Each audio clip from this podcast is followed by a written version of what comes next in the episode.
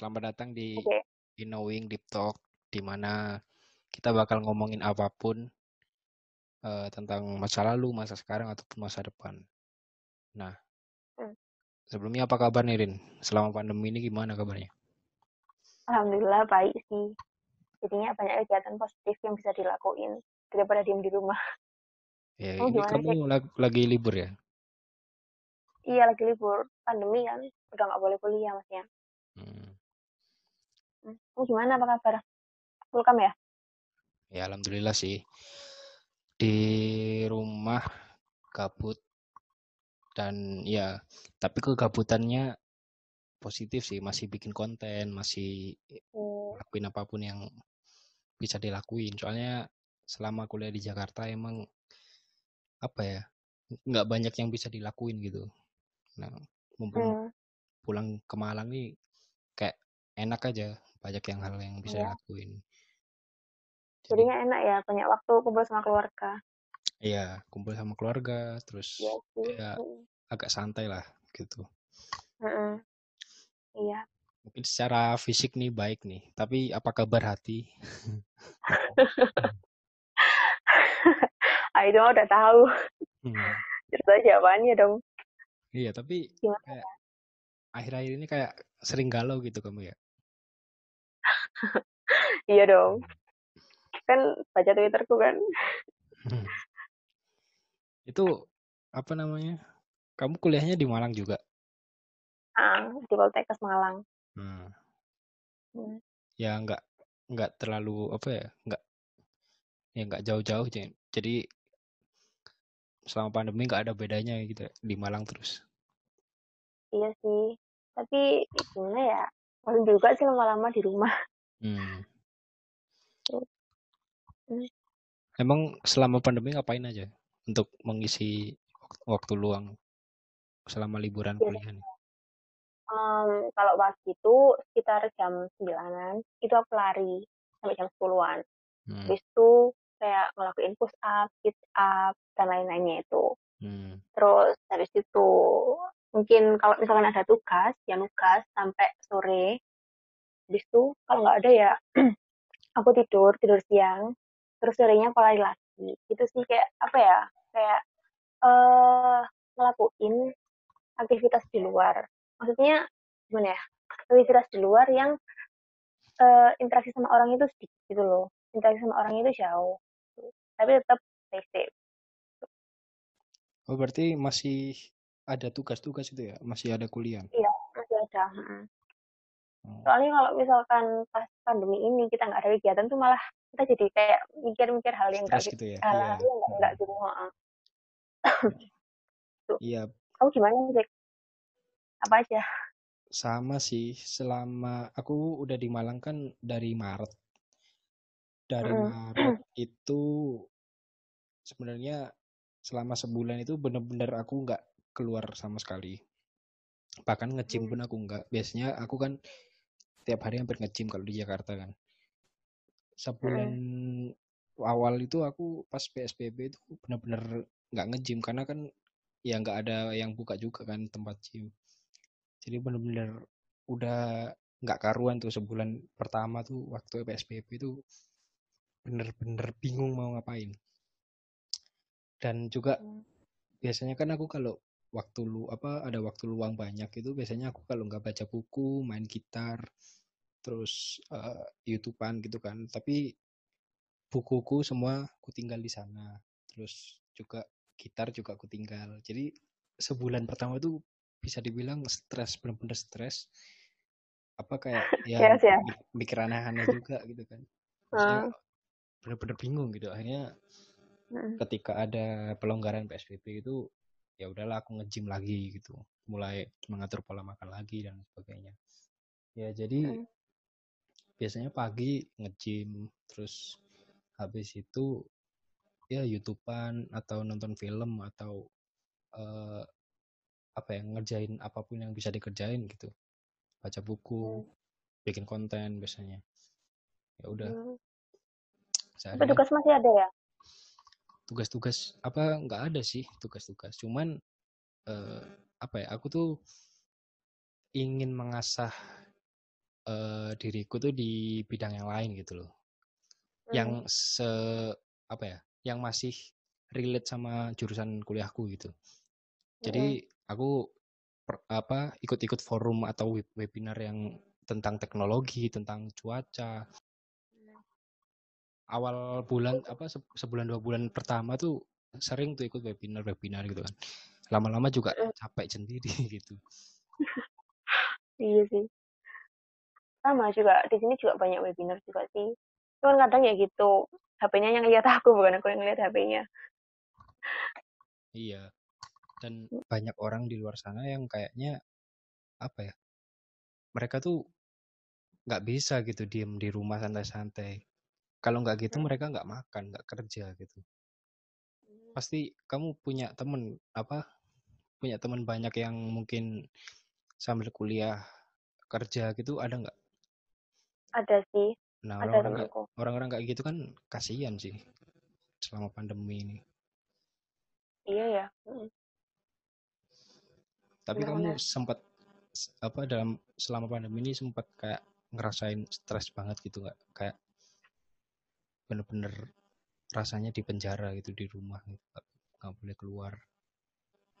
Uh, kalau ngerasa di penjara sih kayaknya enggak deh soalnya emang dari dulu itu aku itu apa ya nggak suka keluar rumah kalau emang bener-bener nggak penting gitu loh. Hmm. Nongki aja aku mikir-mikir kayak buat apa sih misalkan misalkan kita ngomongin kayak tujuannya itu apa gitu loh kalau misalkan nggak ada tujuannya ya udah aku mending di rumah aku bisa ngelakuin apa ya aktivitas yang bisa bikin aku seneng gitu loh gitu sih. Jadi mungkin karena udah kebiasaan aja kali ya. Hmm. berarti gitu. emang dasarnya meskipun nggak ada covid pun kamu emang anak rumahan ya? Mm -mm, bener banget. Hmm. kurang lebih sama sih. Aku sebenarnya gini yang bikin stres itu bukan masalah keluar rumah apa enggak. Cuman emang di rumah tuh monoton gitu loh nggak uh, ada kegiatan yang bisa lakuin dan yeah, kegiatannya itu itu aja gitu yang bikin aku stres yeah. makanya aku sampai bela-belain akhirnya aku minta temen yang masih di sana buat ngirimin gitarku ke sini habis ratusan ribu itu demi buat menghibur diri sendiri gitu selama pandemi soalnya benar-benar stres gitu. Iya. Berarti kamu masih ya. selama pandemi ini masih olahraga ya, bahkan lari dua kali sehari ya? Lari dua kali sehari sih jarang sih, mungkin cuma sekali doang. Hmm. Soalnya uh, apa ya, aku persiapan mau tes juga sih. Jadi um, tes ada deh, pokoknya tes ada deh tesnya pokoknya. Hmm. Ya gitu. Jadi mungkin uh, tesnya kan diundur karena sini kan April, diundur jadi September. Jadi mungkin karena kesempatan karena COVID ini jadi kesempatan aku buat latih lebih biar lebih kuat lagi. Tapi jadi ya itu jadi motivasi juga sih. Bisa. Mm -hmm. Biasanya kamu sekali lari itu berapa kilo atau berapa menit gitu?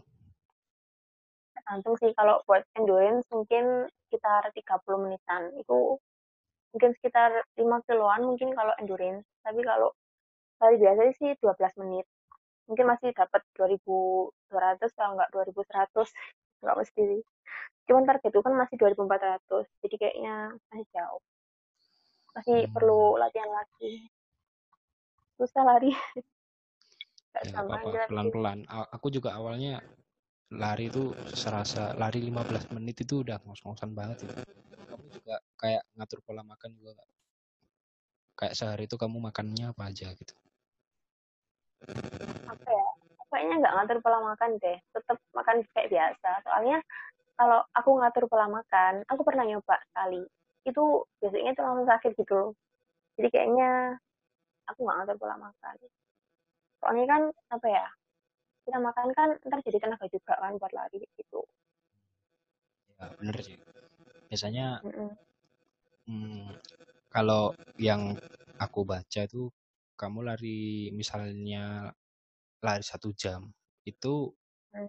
kalori yang dibakar tuh 400 sampai 500 kalori gitu kan nah uh. sedangkan kamu makan itu sepiring dua piring itu bisa sampai ribuan kalori gitu tapi nggak apa-apa itu nanti juga jadi tenaga biasanya kalau mau lari Ah. itu sejam sebelum atau setengah jam sebelum itu makan karbo karbohidrat entah pisang roti nasi gitu Hmm. Hmm. biasanya sih habis Iya. itu setelah itu baru makan makanan yang protein mengandung protein biasanya Hmm. biar eh, kan pas lari pasti ada otot yang rusak juga otot yang apa namanya ikut kena lah nah itu biar protein itu fungsinya buat itu nah kamu kan Hmm. ya kamu kayaknya yang lebih tahu sih kamu kan kuliahnya di kesehatan tapi kamu jurusanmu apa sih? Aku jurusanku gizi tapi prodiku itu analisis farmasi dan makanan. Jadi eh, nggak terlalu ngatur masalah gizi, tapi ngatur gimana caranya kita eh, nganalisis dalam makanan ini ada apa kayak gitu.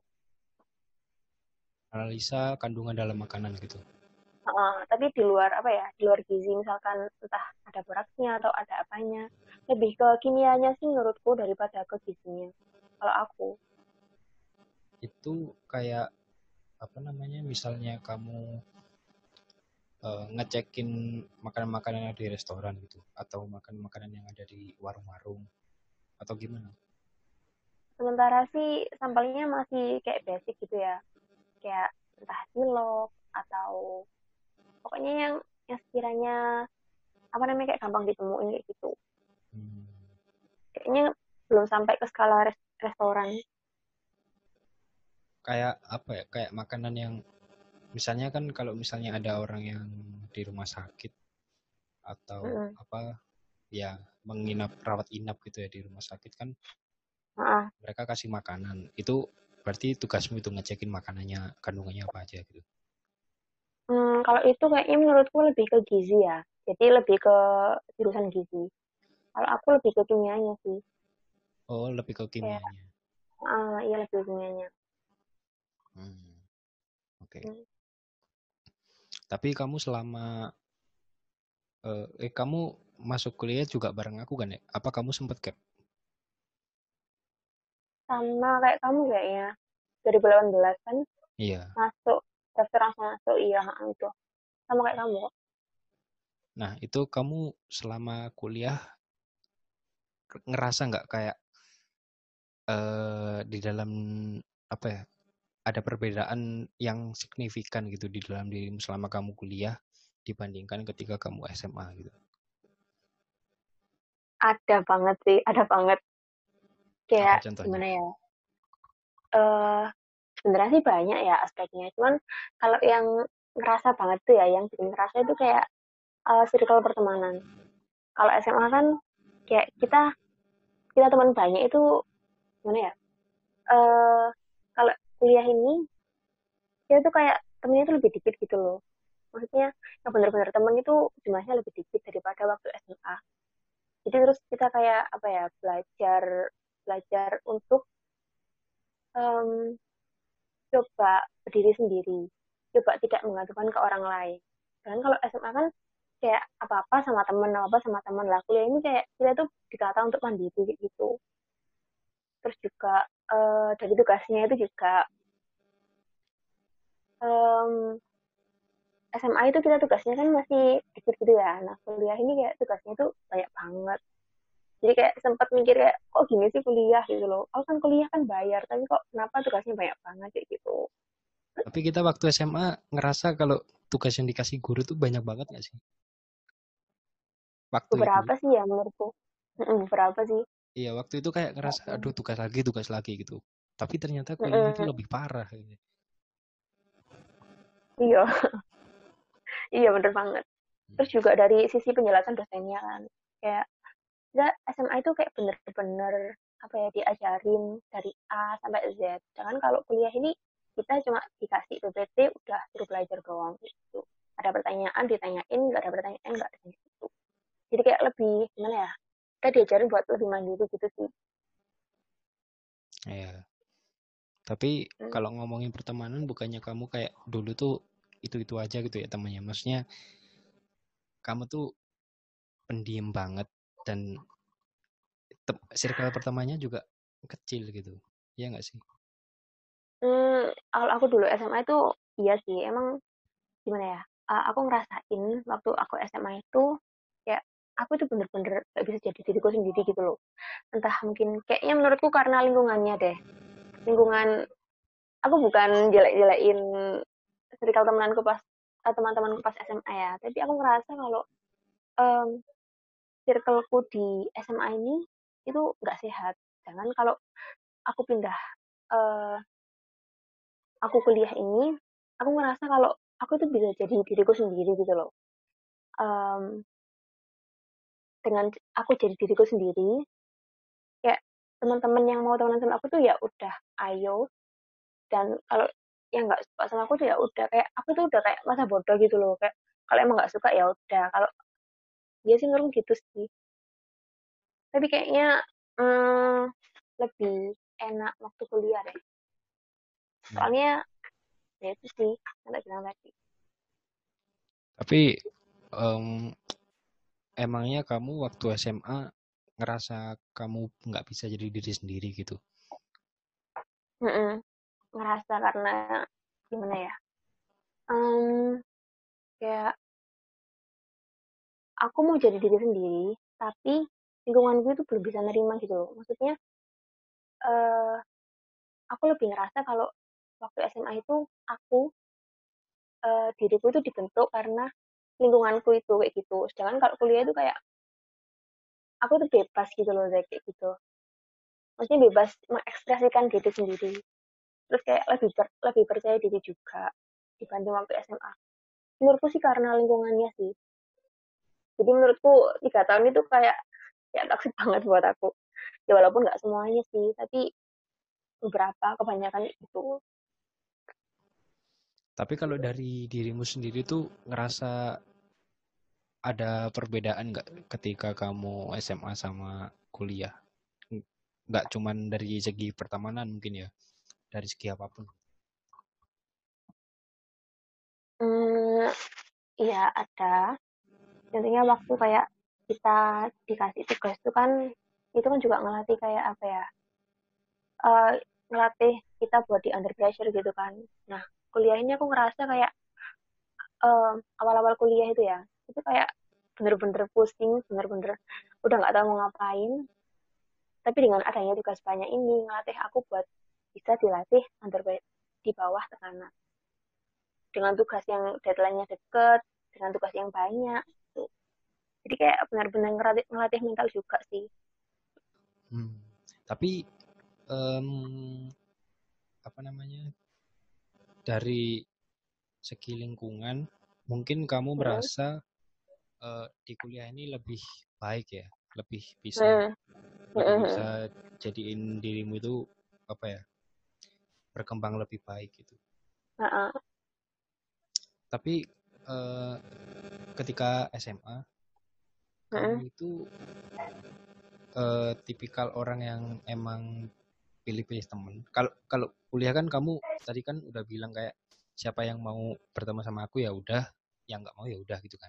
Sebenarnya hmm. kamu benar-benar memfilter dirimu sendiri gitu. Tapi ketika hmm, kamu SMA nanti, ketika kamu SMA itu hmm. kamu tipikal yang berbaur sama siapa aja gitu atau emang dari dulu itu kamu udah memfilter dirimu sendiri seperti waktu kuliah? Waktu SMA maksudnya? Oh gini. Um, dari SD sampai SMP itu aku orangnya itu apa ya bener-bener kayak kayak ya udah bebas mau teman sama siapa aja. Aku orangnya super aku nggak pilih teman. Tapi entah kenapa waktu SMA ini aku ngerasa kayak aku itu gimana ya kayak uh, ruang gerakku tuh kecil gitu loh Zek nggak sebebas waktu SMP sama SD dan apa ya um, aku lebih ngerasa kalau waktu SMA itu uh, gimana ya jelasinnya? Kayak lingkungannya itu enggak apa ya maksudnya aku mau bebas itu nggak bisa gitu loh. Aku mau uh, mau supel ke semua orang itu nggak bisa. Hmm, kayak gimana ya?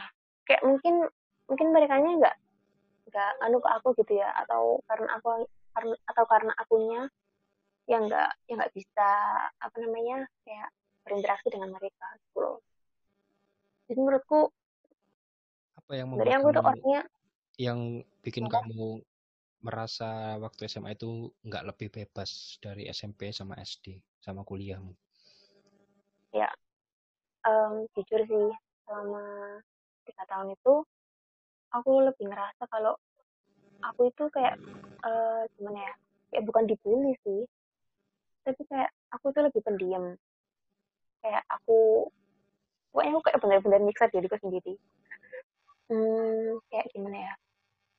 Aku kira kan aku ketemu kamu kan eh, waktu SMA baru waktu ketemu kamu waktu SMA aku kira emang first impressionku ya itu emang kamu Mm-mm. itu orangnya pendiam banget.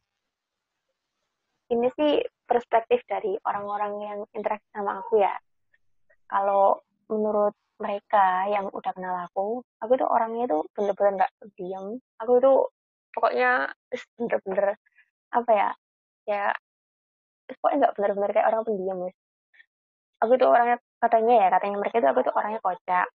Terus eh, nggak tahu malu. Hmm. gimana ya pokoknya eh, bersifat berkebalikan dengan pendiam itu. Mungkin kalau orang-orang yang pertama kali lihat mungkin kiranya aku tuh pendiam terus sombong karena aku diem padahal aslinya enggak banget. Aslinya menurutku aku tuh orangnya kenapa ya kayak supel gitu sih aku gampang gampang berinteraksi dengan orang. Tapi kalau eh, orang itu kayak misalkan aku berusaha deket ya sama orang ini tapi orangnya menutup diri ya udah aku menutup. Aku nggak nggak bakal ngutuk-ngutuk dia gitu loh. Menurutku itu tergantung sih tergantung yang kenal sama aku. Emang menurutmu aku masih pendiam ya? Iya pendiam banget. Sampai sekarang? Nggak tahu. Sejak ngefollow ngefollow twittermu kayak aku langsung oh anak ini ramai juga ya orangnya iya sih aku lebih ngerasa kayak aku itu lebih bebas waktu kuliah ini. Kayak kayak wow aku bisa jadi diriku sendiri waktu kuliah gitu ya tapi eh, balik lagi tadi kenapa kamu merasa kalau waktu SMA itu kamu nggak bisa sebebas ini dan merasa kamu itu nggak bisa menjadi dirimu sendiri gitu? Oke aku ceritain ya.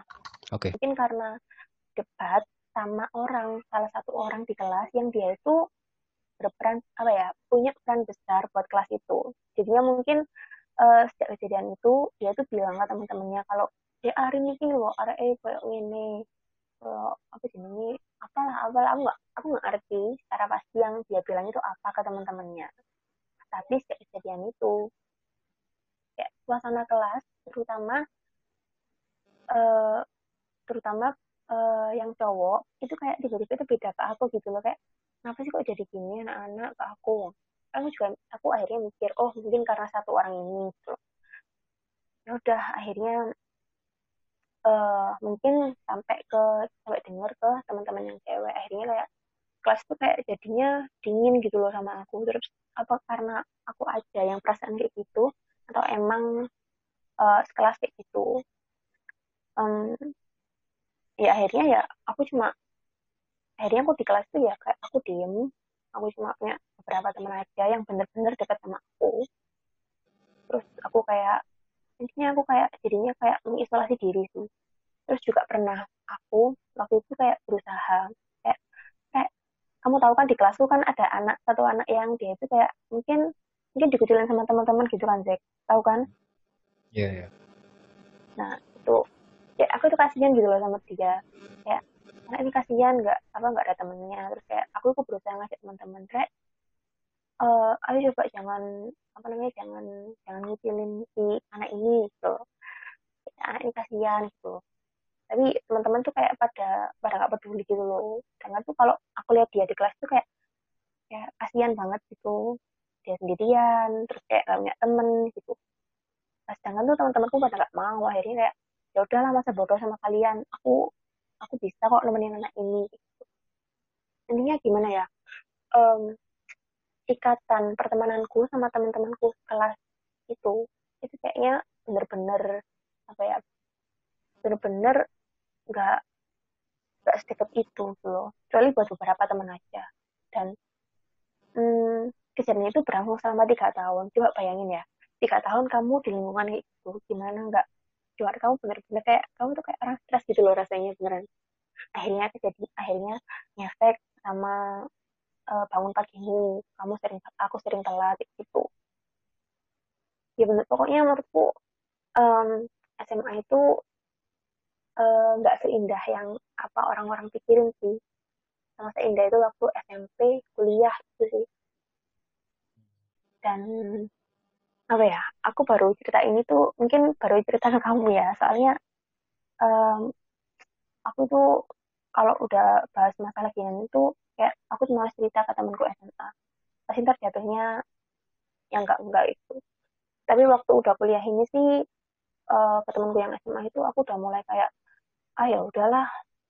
Ya aku juga ngerasa kalau aku itu um, lebih percaya diri sama diriku sendiri tuh jadi uh, waktu kemarin aku reuni sama teman-temanku SMA beberapa orang itu aku kayak aku nggak ngerasa nggak ngerasa dingin dinginin lagi sama mereka. Tapi aku ngerasa kayak hmm, kok anu ya kok apa namanya kok aku jadinya kayak uh, gampang deket sama mereka ya? Kayak um, aku tuh lebih gampang aku jadinya malah lebih gampang berinteraksi sama mereka gitu. Ya mungkin karena faktor pertemananku di kuliah juga sih. Jadinya yang bikin aku percaya sama diriku sendiri akhirnya aku bebas berekspresi sama teman-temanku yang waktu SMA itu. Hmm. Tuh, jadi menurutku pertemanan itu uh, lingkungan kita itu benar-benar mempengaruhi kita banget. Ya, dan dari SMA itu akhirnya aku kayak kayak apa ya uh, udah udah mulai bisa udah mulai bisa uh, milih-milih mana yang enggak, mana yang iya, walaupun kedengarannya kayak, walaupun kedengarannya itu kayak kayak kejam gitu kan. Tapi kalau misalkan kita tetap menuruti apa yang enggak baik buat kita, itu ntar jadinya kayak itu bumerang buat kita sendiri gitu loh. Kita ntar jadi jadinya malah kayak beban pikiran karena tiga tahun itu bukan waktu yang sebentar loh ya. Dan itu menurutku mempengaruhi mentalku banget. Karena aku juga pernah bilang sih di mana-mana kalau mungkin kita dari dulu itu diajarkan bahwa kita nggak boleh pandang bulu dalam berteman. Sedangkan lingkungan pertemanan itu sangat mempengaruhi jati diri kita, kepribadian kita, mm, pola, pola pikir, kesehatan mental dan sebagainya. Jadi kalau aku apa ya, mungkin kalau aku telah sedikit, kita mungkin boleh berteman dengan siapa pun tanpa pandang. Yeah. Tapi dalam bergaul kita harus milih-milih banget. Mm -mm. Karena ya itu tadi pola pikir jati diri itu terbentuk dari lingkungan. Mungkin Iya betul banget. Iya banyak orang yang eh, mereka bingung untuk mencari jati diri gitu kan. Padahal pada dasarnya mm -hmm. jati diri itu nggak dicari tapi dibentuk. Nah salah satu mem, salah satu cara untuk membentuk jati diri ya cari lingkungan yang mendukung kamu untuk membentuk jati dirimu gitu. Mm-hmm. Ya memang ya aku juga menyadari waktu udah kuliah sih kalau memang memfilter lingkungan, memfilter circle pertemanan itu penting banget gitu. Dan apa ya kita mungkin gini se ekstrovert ekstrovertnya orang itu pasti mereka nggak nggak akan mudah berteman dengan siapa pun gitu. Pasti mereka milih-milih juga gitu. Karena ya itu tadi mereka nggak mau image diri mereka sendiri itu jatuh gitu. Mereka nggak akan nggak mau terjerumus ke hal-hal yang yang emang mereka nggak yang nggak inginkan. Cuman ada hal ada kalanya memang mau nggak mau kita tuh terjerumus dalam hal itu gitu. Ya sama contohnya mungkin kamu waktu akhirnya harus sekelas dengan orang-orang yang mungkin menurut mm -hmm. musik dan sebagainya. Iya. Itu tapi. Di kalau kita pandang dari sudut pandang yang lain kita SMA itu kan masa-masa kayak nakal-nakalnya nggak sih? Kayak bener-bener lakukannya juga gitu. Pasti masing-masing anak itu seidealis apa pun atau se apa ya sesosialis apa pun pasti mereka punya ego. Ego yang ingin mereka dapatkan gitu. Nah mungkin kalau di kesmu itu mungkin uh, teman-teman kelasmu itu memiliki ego sendiri-sendiri. Dan ya yang cocok hanya beberapa mungkin yang cocok sama kamu. Dan Mm-mm. emang apa ya emang SMA tuh ya itu problematika anak SMA gitu loh. Menurutku ya emang emang udah se- sewajarnya seperti itu tapi memang apa ya itu juga bisa menjadi proses pendewasaan nggak sih? Maksudnya kalau kamu nggak mengalami hal seperti itu bisa jadi Mm-mm. kamu nggak bisa belajar gitu. Mm-mm, betul banget. Ya dan aku juga merasa kalau apa ya yang hari itu aku pernah ya curhat ke temanku sekelas tuh yang kayak mereka tuh benar-benar dekat sama aku gitu loh. Dan dengan mereka aku tuh kayak bisa oh bisa jadi diriku sendiri. Aku tanya ke mereka kalian ngerasa nggak sih kalau eh, teman-teman kelas kita itu aku bukan mengaruhi ya terus aku tanya kayak kalian ngerasa nggak sih kalau teman-teman kelas kita tuh kayak beda sama kelas lain? Dan temanku juga bilang kalau iya emang apa namanya kayak beda sama kelas lain. Tuh aku lihat kelasmu waktu SMA itu kayak benar-benar kompak cewek sama cowoknya nggak beda-bedain. Tapi waktu aku lihat kelasku kok gini ya gitu. jadi nggak cuma aku doang yang ngerasain itu. Kalau kita flashback ke zaman SMA emang apa ya, eh, kayak ya udah gitu maksudnya itu udah problematika kayaknya problematika. SMA gitu. Maksudnya kita kita di posisi kita udah kuliah nih udah semester lima udah udah Mm. gede gitu udah umur 20-an itu kayak kalau flashback ke zaman SMA kadang ada beberapa yang kita sesali ada yang kita kangenin.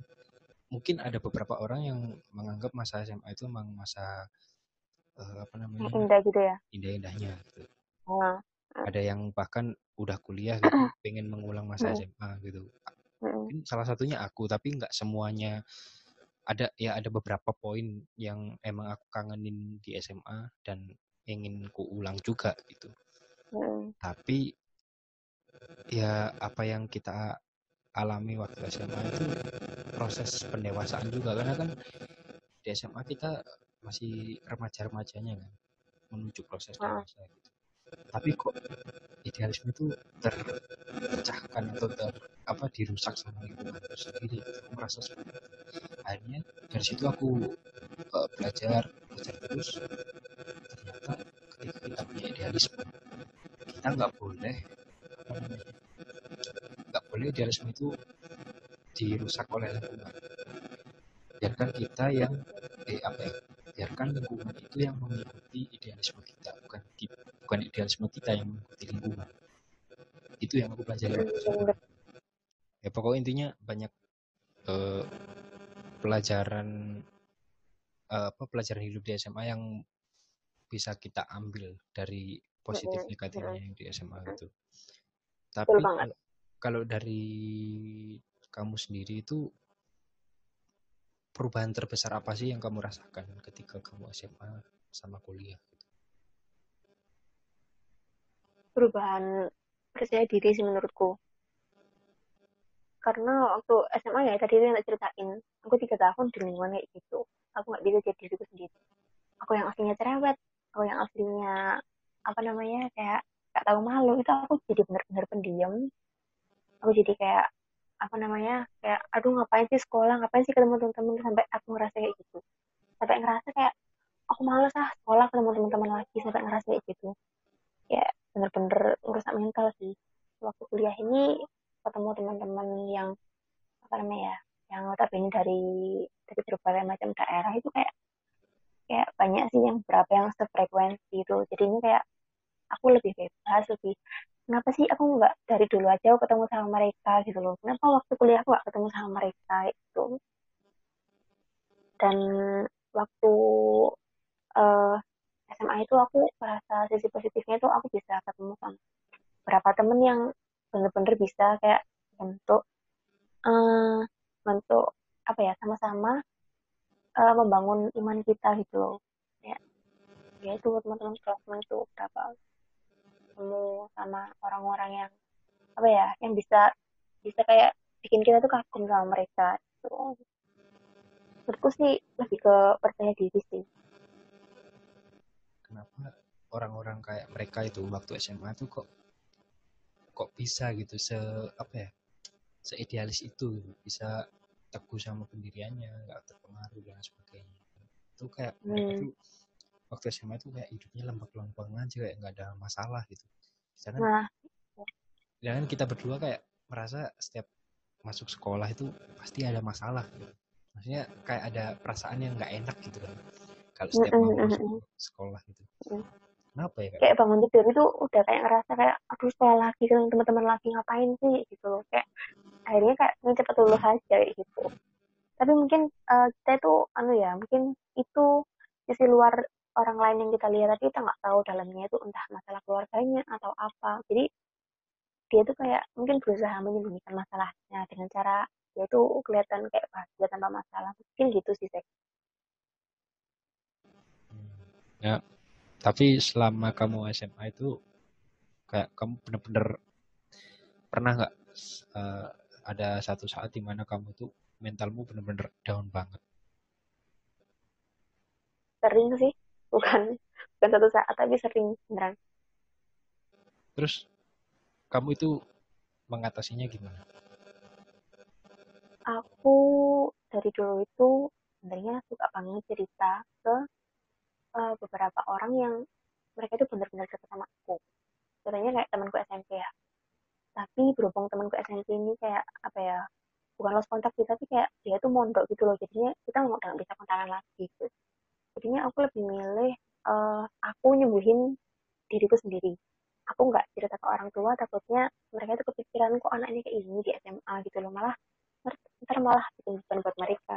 Akhirnya aku kayak berusaha eh, nyembuhin diriku sendiri. Aku cari eh, sesuatu yang bikin aku senang, yang positif ya. Habis itu eh, ngelakuin hal-hal yang bisa bikin aku lupa sama eh, sama sekolah.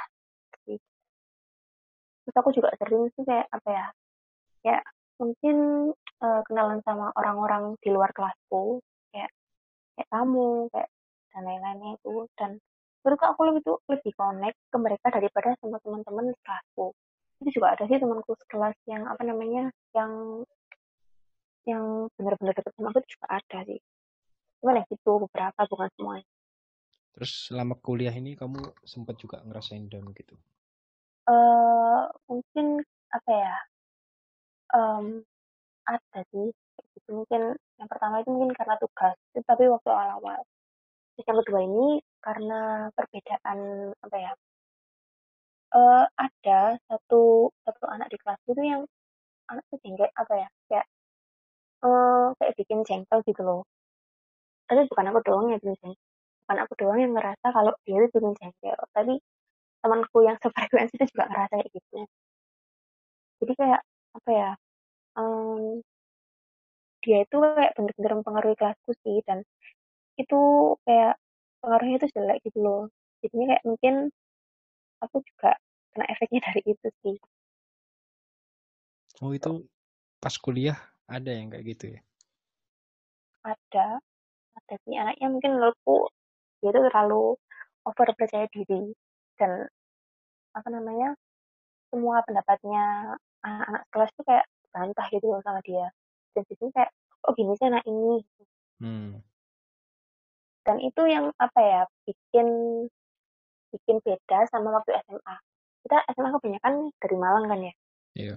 Nah itu kayak waktu kuliah itu kita dikenalin sama anak-anak dari berbagai macam berbagai macam berbagai macam kota. Dan itu yang apa ya eh yang mungkin ada ada sedikit apa ya ada sedikit miskonsepsi gitu loh antara kita kalau waktu kita diskusi atau apa Hmm. Tapi kalau dipikir-pikir ya, kalau aku sih kebalikannya ya, maksudnya em, ada memang di kelasku waktu SMA itu memang ada kayak eh, apa ya, beberapa orang yang Hmm. dia tuh orang yang paling berpengaruh di kelas gitu. Mm-mm. Tapi em, apa ya, dia itu orang yang paling ditakutin lah istilahnya. Tapi di sisi lain, menurutku di suatu kelas atau di suatu or- organisasi itu memang perlu ada satu orang yang dia tuh memberi pengaruh besar dan paling ditakutin. Cuman Mm-mm. tergantung nih pengaruhnya ke positif apa negatif Mm-mm.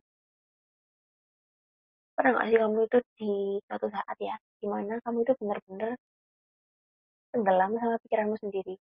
Kamu nggak bisa apa ya kamu nggak sadar kalau lingkunganmu itu sedang ada masalah. Tapi kamu tuh kayak bener-bener apa ya nuruti kemauan apa yang di pikiranmu itu. Dan itu bener-bener bikin kamu tuh kayak jatuh bener-bener bikin kamu down. Terus apa ya bener-bener kayak mikir kalau ngapain sih? Aku apa namanya pokoknya intinya kayak bikin kamu merasa negatif terus dulu pernah nggak gitu? Pernah sih pernah. Karena aku tuh orang orangnya overthinker banget. Mungkin bisa dibilang dari SMP kali ya. Dari SMP tuh udah apa ya hmm, udah ada gangguan mental bukan gangguan mental apa ya ya ibaratnya kayak mentalku udah nggak baik gitu sejak SMP oh. oh. karena faktor ya mostly dari ini sih dari lingkungan keluarga gitu bahkan pernah suatu saat itu waktu SMP ini aku kepikiran buat satu kabur dari rumah sama dua bunuh diri kayak bener-bener itu empat itu aku waktu SMA beneran ya aku empat kali empat kali kepikiran buat bunuh diri gitu. Sama sekali buat kabur dari rumah. Benar-benar ah, ya itulah down banget gitu kan. SMA mungkin ada juga tapi nggak separah SMP menurutku. Kayak benar-benar nggak ini. Kuliah juga ya sama. Kuliah nggak nggak separah SMP cuman tetap ada sih down. Kalau sampai yang apa namanya bikin aku tuh negatif apa negatif itu sejauh ini sih cuman SMP itu aja sih. SMA sampai kuliah tuh nggak ada karena nggak tahu kenapa ini aneh banget ya. Kadang-kala itu ketika aku tuh mulai overthink ketika mau tidur itu malam mau tidur gitu. Itu benar-benar pikiran tuh ke mana-mana gitu kan. Benar-benar down kadang-kadang hmm. sampai nangis gitu. Setelah tidur itu bangun-bangun ya udah biasa aja gitu. Nggak tahu itu apa emang wajar seperti itu atau apa gimana nggak tahu. Tapi biasanya malam itu start overthink itu malam. Habis itu kuang ya aku puas puasin nangis atau segala macam gitu. Baru paginya biasanya udah enggak gitu. Kayak gitu sih. Mungkin pol-polan hmm. itu ini sih ngeblok beberapa beberapa orang atau nge pernah uninstall IG terus diaktif IG itu sampai apa itu? Ya sedaun-daunnya itu sih kalau waktu kuliah ini ya. Ya itu sih nggak ada yang sampai uh, aneh-aneh ya mungkin SMP aja itu aku waktu SMA itu malah kayak kamu waktu SMP kayak pingin suicide terus pingin cover dari rumah kayak pingin aku nggak pingin berhubungan sama mereka kayak aku pingin aku sendiri gitu loh um, terus uh, waktu kuliah ini entah kenapa ya mungkin karena um, apa ya aku ngerti sih aku soalnya jarang banget yang namanya pacaran dekat sama cowok itu ya. dan kuliahnya aku dekat sama orang itu tuh kayak uh, kita dekat sama orang itu kan uh, connecting our feelings gitu kan satu sama lain. Dan itu pasti perasaan itu pasti ngefek banget ke pikiran. Dan entah kenapa uh, kayak aku kuliah ini kayak sering overthinking. Itu masalah kayak masalah sama doi. Ya hmm, apa ya yang sebenarnya nggak terjadi itu kayak kita tuh mikirin kita aku insecure sama masa lalunya insecure sama mantannya ya apa pun tentang dia itu aku mikirin gitu loh padahal nggak terlalu penting. Kan kadang itu kayak uh, aku tuh kayak udah dong stop jangan mikir kayak gini. Ini tuh bikin negatif apa ya bikin kamu tuh negatif gitu loh. Bikin kamu ngerasa kamu tuh bener-bener di bawah padahal nggak kayak gitu. Itu kayak gimana ya kayak susah banget sih menurutku. Kalau uh, kita berusaha keluar dari uh, labirin yang ada di pikiran kita. Ya mereka itu bener-bener apa ya pikiran yang ada di otak kita tuh kayak bener-bener speak out loud gitu loh. Jadinya kayak dia tuh kayak diem. Terus terus aku nggak tahu mau ngapain gitu loh. Dan nggak kerasa tiba-tiba itu kayak pusing wis capek wis nggak mau ngapa-ngapain gitu.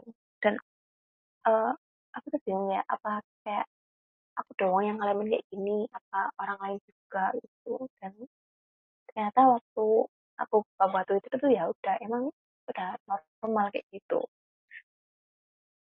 Itu sih. Berarti eh, mostly dari ini ya percintaan ya kalau kamu ya. eh mungkin kalau masalah dari masalah semua itu mungkin baru waktu kuliah ini. Tapi sebelum sebelumnya yang kebanyakan tuh overthink tentang masa depan tentang orang tua tentang gimana kita cara merawatnya waktu nanti kita udah dewasa gimana kita bisa membahagiakan apa enggak itu itu sering sih mungkin mungkin hampir tiap hari kepikiran gitu jadi kalau yang tentang percintaan ini waktu kuliah doang ini Iya Hmm, nggak sih? Kamu pernah nggak sih kayak overthinking masa depanmu gitu? Kayak kamu takut kalau misalkan kamu nggak bisa membahagiakan mereka. pernah, pernah banget sampai Dan itu kayak bener-bener, sampai aduh, apalagi pusing banget. iya waktu kelulusan kelas 12 itu ya. Kan yang lain tuh pada udah udah keterima di ini, di ini, di ini. Nah, Mm, sedangkan aku masih masih apa ya? Menggantung gitu loh. Masih belum belum mm, masuk mana-mana dan lain sebagainya. Dari situ mm, aku kayak ya, ya pertama insecure gitu. Teman-temanku gimana kalau misalnya mereka udah kuliah, aku belum gitu. Padahal kalau mm, dipikir dari sekarang sekarang itu kayak ya apa salahnya gitu kalau misalnya gap year, apa salahnya kalau nggak kuliah di saat itu mm, gitu. Kalau sekarang aku mm. mikirnya kayak gitu, tapi kalau dulu tuh bener-bener kayak down kayak ya pasti ya juga tekanan dari keluarga juga. Yang lain udah kuliah, kamu belum gitu kan. mm. Ya tekanan-tekanan kayak gitu yang emang bikin down sih. Jadi pasti overthink kayak "Ntar masa depanku gimana, ntar kalau misalnya aku nggak bisa kalau misalnya kuliah terus eh, aku jadi beban orang tua gitu gimana gitu itu pasti Terus kamu gimana caranya kamu kayak eh, biar tetap overthinking gitu loh, biar tetap sampai sini aja. Terus kamu besok nggak boleh overthinking lagi. Kayak susah banget. Nggak tahu ya itu aku tuh aku tinggal tidur gitu aja udah hilang udah perasaan itu udah hilang gitu kalau aku ya. Mm, udah hilang atau mungkin melakukan hal-hal yang bikin aku agak rileks biasanya. Entah main game dengar musik gitu kan. Kebanyakan sih dengar musik sih dengan musik benar-benar musik sedih gitu sampai nangis. Habis itu udah agak lega itu udah agak mendingan gitu Terus dari situ kamu ingat lagi apa enggak? Kamu diem, sama kamu ingat lagi apa? ingat pasti ingat cuman ketika ingat itu nggak down lagi kayak selesai gitu ya. karena gini ketika aku down itu benar-benar pikiranku tuh nggak rasional kan kayak ya overthink udah bener-bener di pikiranku itu Bener-bener macam-macam gitu kan macam-macam nggak Heeh, nah ketika udah udah nangis itu kan udah agak down apa udah agak eh, mendingan gitu kan udah agak heeh. mendingan.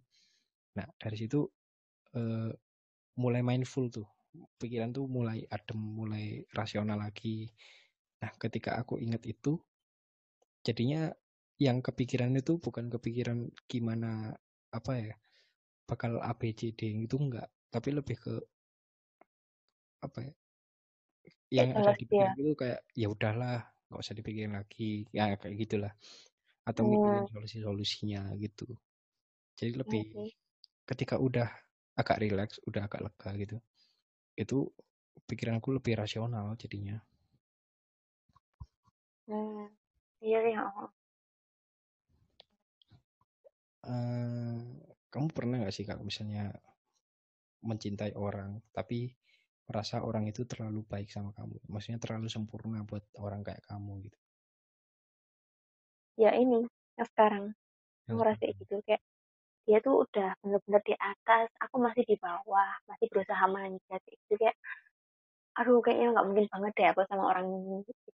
hmm, di sisi Kayaknya lain banyak banget yang, banyak banget orang-orangnya yang lebih baik daripada aku lebih baik secara mental secara fisik nah secara ya. secara imannya kayak gitu kayak jadinya kayak ya ampun kok aku kok aku kayak jadi jahat ke orang ini ya? Gitu loh kayak kayak pantas banget. Di sisi lain di lingkungannya kayaknya ada yang lebih cocok dari dia gitu kan yang selevel sama mm. dia gitu. Mm -mm. nah kalau aku ya kayak gitu sih hampir sama. Kayak ketika apa ya, jatuh cinta sama orang gitu ya. Nggak tahu ini aku aku sendiri nggak bisa mendefinisikan cinta itu gimana ya. Tapi mungkin jatuh cinta tuh kurang tepat ya apa ya lebih ke kasmaran lah kasmaran sama orang. Mm. habis itu uh, aku tuh merasa kayak yakin yakin emang kamu bakal sama dia gitu kan. Kayak Mm. dia terlalu sempurna gitu buat aku, orang kayak aku gitu. Tapi di sisi lain justru karena kesempurnaan dia itu yang bikin aku belajar untuk jadi orang yang lebih baik gitu. Bener-bener kayak termotivasi gitu kan hmm, termotivasi dan bener-bener dari, dari itu aku mulai membangun jati diriku. Membangun apa ya ibaratnya kayak merubah benar-benar merubah 180 derajat apa yang negatif di diriku aku buang aku gantikan dengan hal-hal positif itu.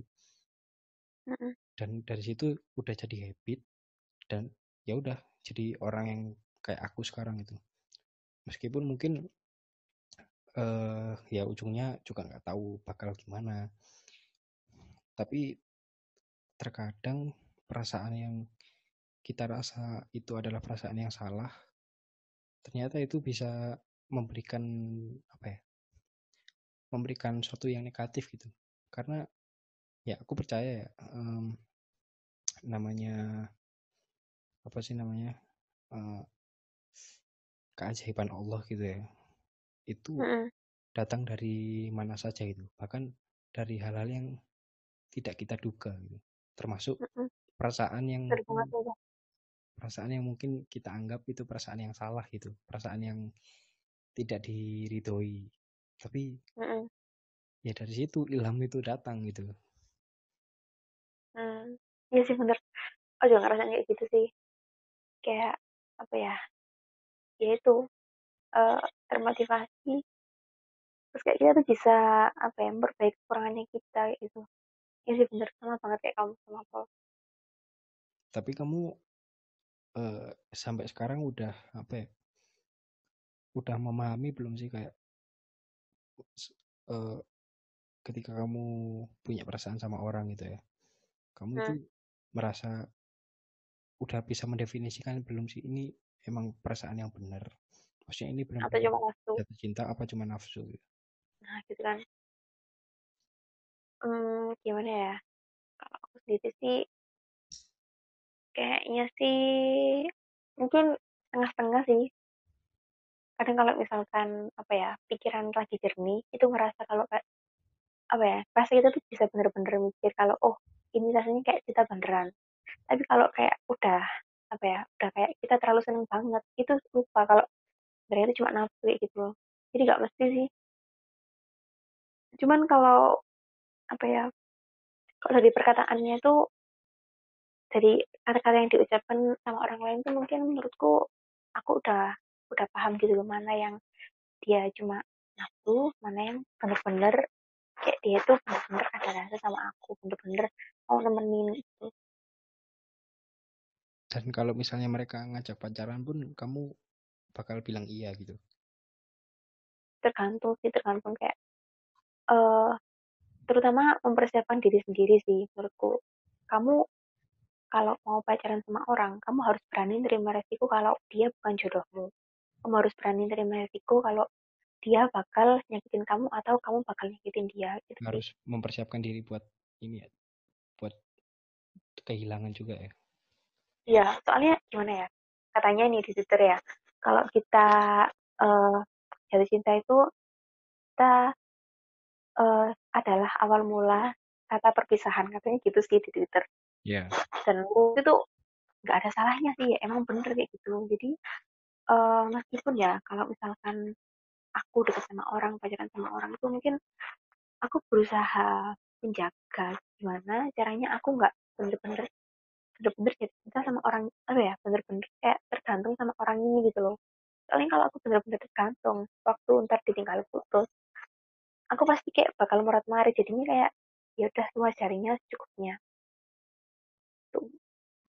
Soalnya ada beberapa orang yang ya memang sih bener apa namanya em, berani mencintai itu harus berani kehilangan juga gitu. Mm-mm, betul banget tapi ada beberapa orang yang emang mereka itu pacaran itu cuma main-main. Maksudnya main-main ya emang namanya pacaran main-main gitu kan. Maksudnya nggak ada yang serius gitu. Nggak tahu Mm-mm. itu aku juga makanya kenapa aku memutuskan untuk tidak pacaran. Bukan karena apa-apa ya tapi aku sendiri tuh bingung mendefinisikan cinta itu gimana itu karena ada tipikal orang yang gini ya udah kalau misalnya kamu naksir sama dia ya udah pacaran aja yuk kalau memang sama-sama terus kalau nggak cocok Heeh. kalau nggak cocok gimana? Ya udah putus. Lah kok segampang itu gitu loh. Maksudku kayak cuma buat permainan gitu kan? Maksudnya kayak perasaanmu tuh lebih berharga daripada status pacaran putus pacaran putus gitu. Iya. Jadi kayak ibaratnya kayak kalau nggak cocok ya udah putus lah. Mm-mm. kok jadinya kayak apa ya? Kayak mainan gitu kan? Kayak ah, kayak jadi perasaan itu bukan lagi yang apa ya bukan lagi hal yang sakral gitu karena menurutku Heeh. perasaan itu benar-benar sakral dan emang Mm-mm. kalau kata Najwa Shihab ya yang itu katanya ini eh, perasaan itu nggak bisa didefinisikan pakai otak gitu tapi emang pakai hati dan Mm-mm. kalau kita misalnya suka sama orang dan kita mikir pakai otak ya itu udah nggak cinta lagi namanya kayak ibaratnya kita misalnya nih nyari apa yang cocok apa ya, apa yang positif negatifnya dari dia atau eh, kecocokan yang mungkin atau kesamaan yang ada dalam diri kita sama diri dia jadinya Mm-mm. bukan cinta lagi gitu dan ke- kata Quraisyihab cinta itu nggak ada definisinya gitu cinta itu yang bisa mendefinisikan adalah orang yang merasakannya gitu nah. Masalahnya aku nggak tahu ak- yang kurasakan ini cinta apa nafsu gitu. Tapi Hmm, kalau gimana kamu ya? Kalau mendefinisikan cinta itu gimana? Cinta itu menurutku kayak gak bisa dipermainkan. Soalnya aku sendiri tuh orangnya gimana ya? Eh lebih apa ya? Kalau misalkan kamu nggak bener-bener sama aku mending nggak usah kayak gitu loh. Kalau emang tujuannya main-main nggak usah gitu loh. Soalnya eh, ini juga berhubungan sama overthinking sih.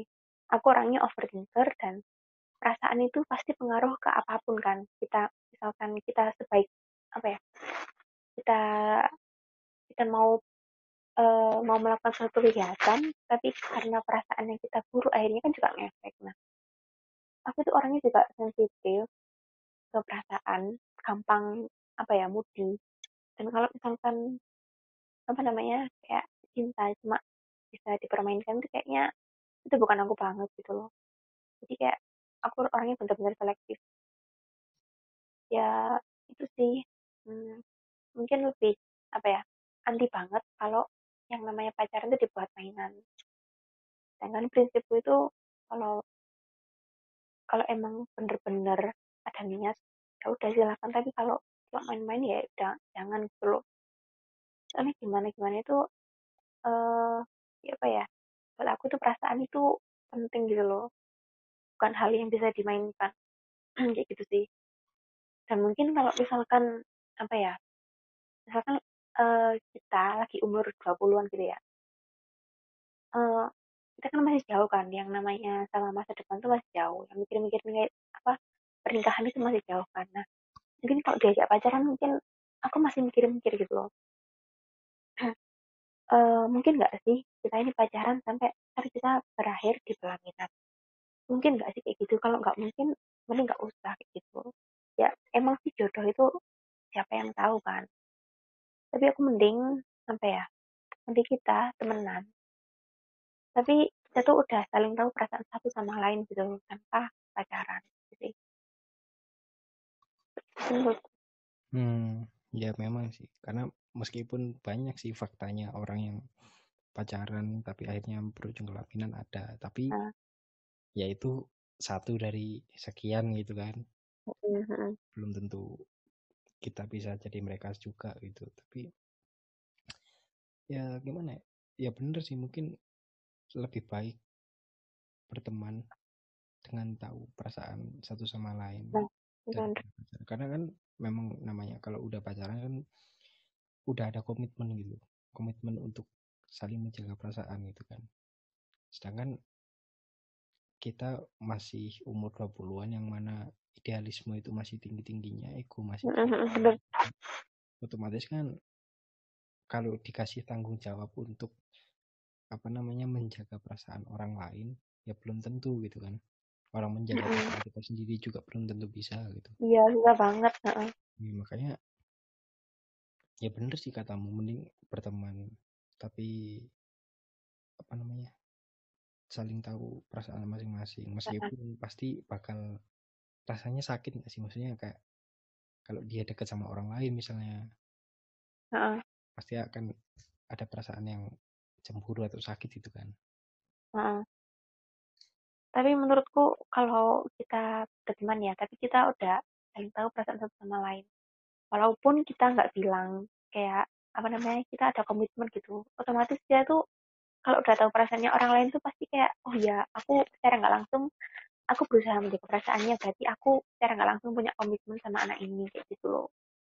Mm-mm. Menurutku sih em, aku dulu tuh pernah mikir kalau apa-apa kalau misalkan deket sama orang itu harus pacaran. Aku dulu kayak gitu waktu ya waktu bocil-bocilnya gitu kan. Terus Mm. sekarang dewasa ini kayak mikir kayak hmm, apa ya? Eh status itu menurutku penting nggak penting sih. Gimana ya jelasinnya?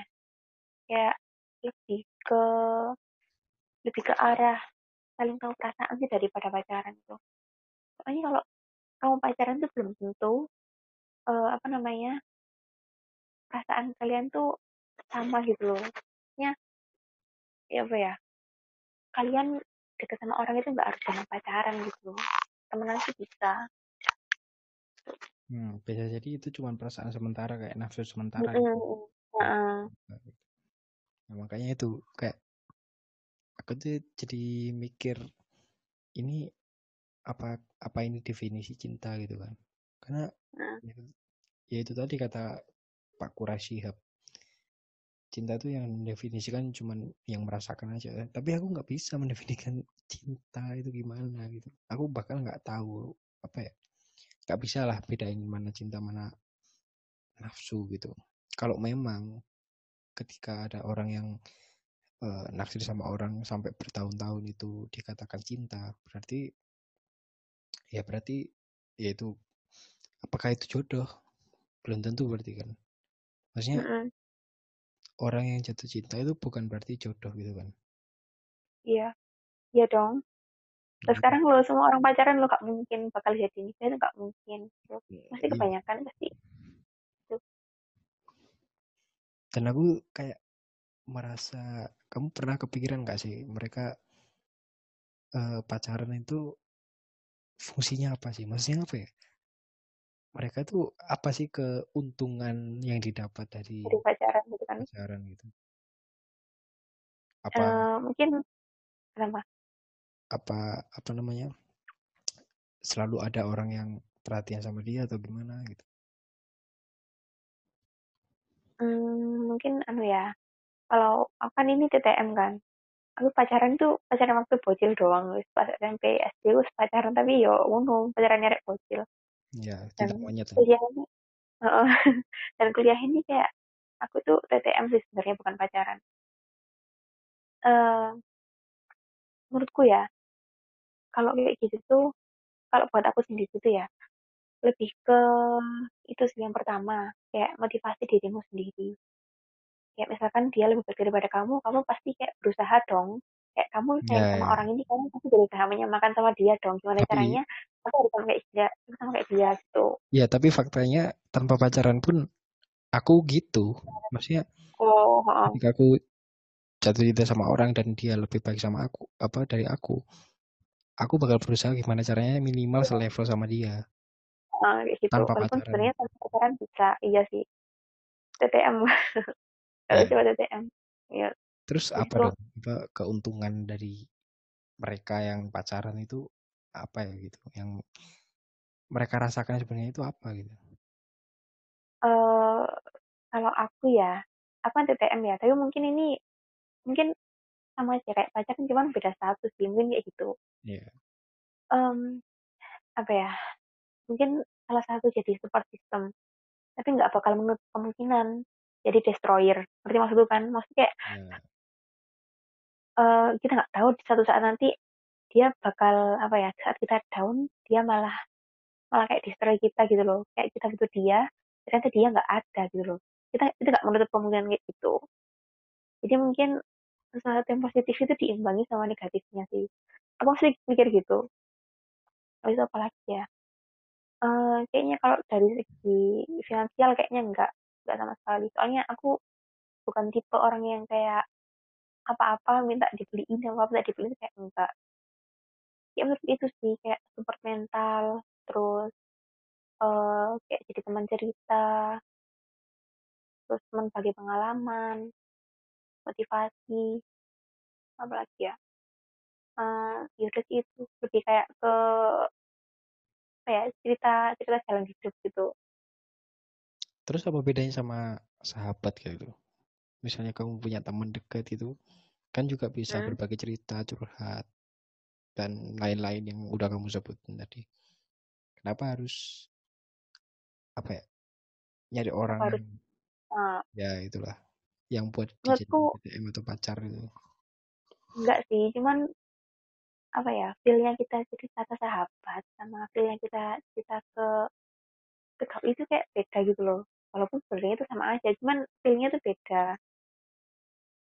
Gitu Hmm. sih. Tapi sebenarnya walaupun tanpa tanpa tanpa kita dekat sama orang itu kita cerita ke sahabat tuh kayak ya udah kayak perannya itu hampir sama sih kayak sahabat cuman ya gitu feelnya aja yang beda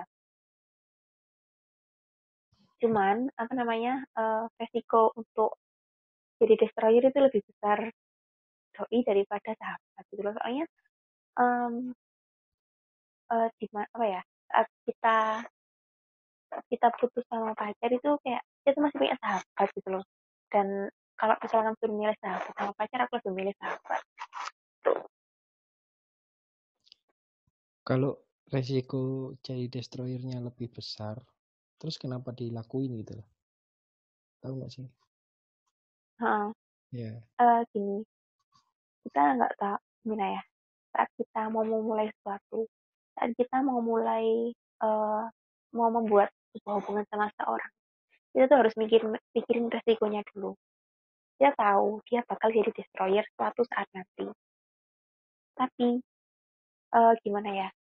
Kayak entah sih kayak kayak aku tuh kayak ngerasa kayak oh pasti aku udah siap gitu lah pasti aku udah, udah siap bakal eh, ngadapin kalau misalkan dia jadi destroyer gitu. mungkin kalah sama perasaan yang ada sekarang gitu loh.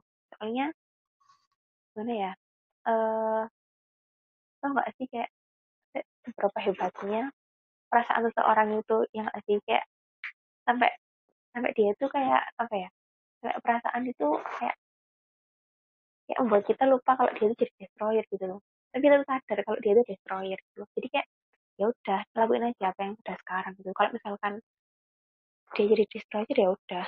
Kayak udah siap gitu loh perasaan kita. Ya udah siap dari awal. Walaupun sebenarnya waktu kejadian itu bener-bener down tapi ya itu sih itu ya buat pengalaman sih menurutku Hmm. tapi ya itu pilih-pilih orangnya dulu. Kalau misalkan orang-orang cuma mau mainan ya udah jangan mending.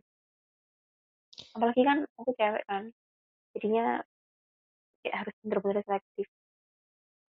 Iya, ya meskipun banyak orang juga bilang gini, ya pacaran itu latihan nanti buat menikah gitu. Kalau kita pacaran kan kita jadi tahu bagaimana menghadapi pasangan, gimana kalau misalnya ada problematika A, B, C gitu, menghadapinya gimana gitu. Dan menurutku kalau kayak gitu kayaknya apa ya? Gak tahu ya. kayak malah jadi anu gak sih kayak jadi apa tempat latihan gitu loh menurut kayak salah Iya. Dan dari sudut pandangku kayaknya kalau cuman hal-hal kayak gitu nggak pacaran pun bisa gitu loh. Kita Mm-mm. dalam kehidupan sehari-hari ketika kita punya partner partner kerja atau apa gitu kan Hmm. juga bisa belajar dari situ bagaimana menghadapi Mm-mm. orang bagaimana memanusiakan manusia dan lain Mm-mm. sebagainya gitu betul. jadi nggak meskipun aku itu ya aku seumuranmu lah dan seumuran teman-teman yang lain tapi aku bahkan sampai sekarang masih bingung apa bedanya TTM, pacaran, FWB itu friend with benefit dan sebagainya. Yang negatif itu dan itu gitu. Apa keuntungannya gitu loh.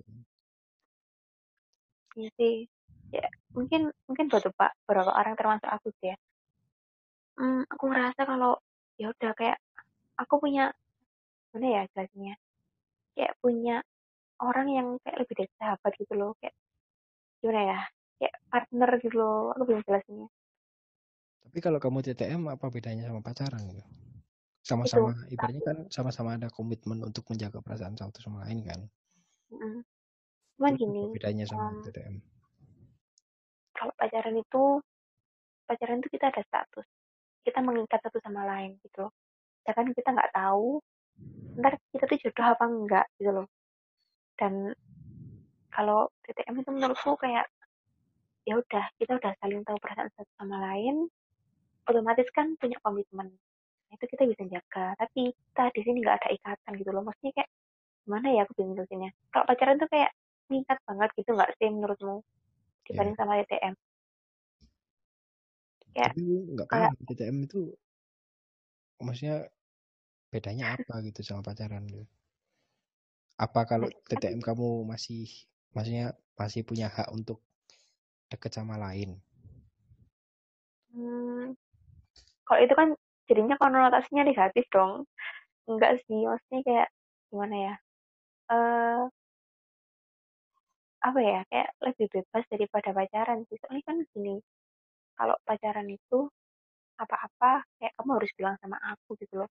Kamu deket sama ini nggak boleh kamu deket sama itu nggak boleh. Kan kita udah pacaran gitu Tapi kan itu tergantung TTM komitmen, komitmen orang itu dong, komitmen mereka. iya oh, tergantung itu Gimana mereka meng, apa ya, mengemas pacaran itu mau diapain sih? Mm-mm. dengan prinsip seperti apa kan itu Oh, pasangan masing-masing dong.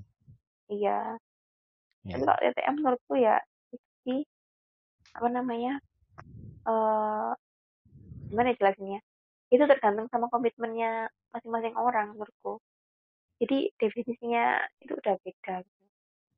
jelasinnya sumpah Serius aku masih bingung sih sebenarnya kak. Kenapa orang-orang bikin, maksudnya gini loh, eh, ya pacaran pacaran aja gitu. Masalah sistemnya gimana, ya kan tergantung orang-orang itu juga itu. Ada yang beberapa yang mereka mungkin pacaran tapi rasanya nggak pacaran, ngerti nggak? Kayak kelihatannya nggak pacaran, oh ha. masih kayak iya iya bebas itu loh mereka tuh satu sama lain tuh nggak bener-bener kayak temen, ngerti nggak? Tapi mereka pacaran gitu. Ada juga yang emang pacaran tuh bener-bener apa-apa harus ngomong kayak bener-bener udah suami istri itu kan. Nah itu itu nah itu yang enak banget sumpah ya itu nggak sehat sih menurutku kayak Heeh. ngapain gitu gitu. Maksudnya dan kita kan belum masih terikat secara sah gitu kan ya karena pikirku gini kita kan masih muda kita masih banyak hal yang harus dieksplor hal yang perlu kita lakuin gitu. Banyak hal yang masih bakal kita kembangin. Tapi kalau dari sejak muda kita udah punya ikatan udah terikat udah ibaratnya ada boundary-boundary yang nggak penting ya sayang gitu loh masa muda kita dihabisin buat itu gitu. Kalau menurutku sih itu ya. Makanya kenapa aku sampai sekarang nggak memutuskan untuk gak pacaran? Ya karena itu. Pertama eh, aku nggak nggak mau kalau misalnya pacaran aku nggak bisa jadi diriku sendiri gitu. Nggak sebebas aku sekarang gitu. Dan yang kedua aku nggak mau menyakitin orang lain. Aku emang prinsipku nggak pengen menyakitin orang lain siapa pun itu. Meskipun meskipun orang benci sama aku sekalipun aku mencoba untuk nggak nyakitin mereka gitu. Apalagi orang tua apalagi saudara apalagi temen gitu apalagi Mm-mm. pacar gitu. Aku nggak mau dan nggak bisa kita pacaran tanpa menyakitin mesti sengaja nggak sengaja mau nggak mau pasti itu lagi balik lagi ke orang tua tadi. Pasti bakal ada momen di mana kita Iya. sengaja nggak sengaja mau nggak mau pasti nyakitin mereka gitu. Jadi Heeh. dan itu nggak bisa dipungkiri. Makanya aku nggak nggak mau ada apa ya ketika masa mudanya nggak mau terlalu mengambil resiko untuk itu kalau aku ya cuman Mm-mm. ya itu masih nggak paham lagi aku mendefinisikan mana cinta yang mana enggak itu gimana Hmm. ketika aku jatuhin sama orang gitu naksir sama orang itu apa yang harus kulakuin Mm-mm. aku, aku aja nggak nggak kepikiran loh ngapain ya cuma sekedar deket doang cuma sekedar kenal doang ya ngapain juga gitu nggak penting-penting amat gitu Oh. Mm-mm. Aku boleh menyanggah. Ya apa Tadi kan kamu bilang kalau misalkan kamu takut pacaran kalau kamu nggak bisa jadi dirimu sendiri. Hmm. Itu gini, kalau aku merasa ya, aku itu eh gini sih itu tergantung kamu nemu sama orang yang mana gitu. Dan sekarang ini aku nemu sama orang yang kayak dia itu ya udah sih terserah kamu mau apa, kamu jadi dirimu sendiri gitu loh. Jadi itu menurutku tuh tergantung partnermu gitu loh. Kalau misalkan eh ketika kamu sama dia, kamu nggak bisa jadi dirimu sendiri ya udah, berarti toxic buat kamu gitu. Dan apa ya, ketika pacaran terus eh apa ya, menurutku sih kalau buat aku ya, kalau misalkan aku nemu sama orang yang ketika aku dekat sama orang ini terus aku tuh nggak jadi diri sendiri, ya udah aku aku stop gitu loh. Jadi menurutku tergantung sama partnernya sih. Iya sih emang emang tergantung partnernya tapi pasti ya apa ya ya itu sih pasti nemu partner yang kayak gitu juga susah juga kan. Mm, ya seenggaknya apa ya, pun belum tentu mau juga. Eh, ya mungkin terus suatu saat atau apa. ya makanya. Intinya sih kalau apa ya, intinya kalau tentang perasaan itu ya itu sih harus berani menerima resiko walaupun ya gitu menyakitkan. hmm.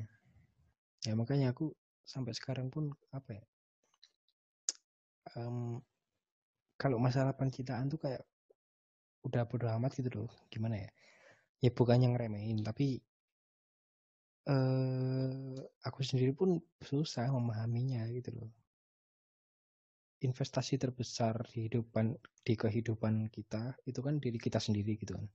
Jadi gimana gimana orang lain memandang kita gimana orang lain memperlakukan kita itu sebenarnya tergantung diri kita sendiri ya terlepas dari siapa yang kita pilih tapi kalau kita bisa membranding diri kita sendiri bagaimana orang memandang kita bagaimana memperlakukan kita kita bisa ngontrol loh sebenarnya.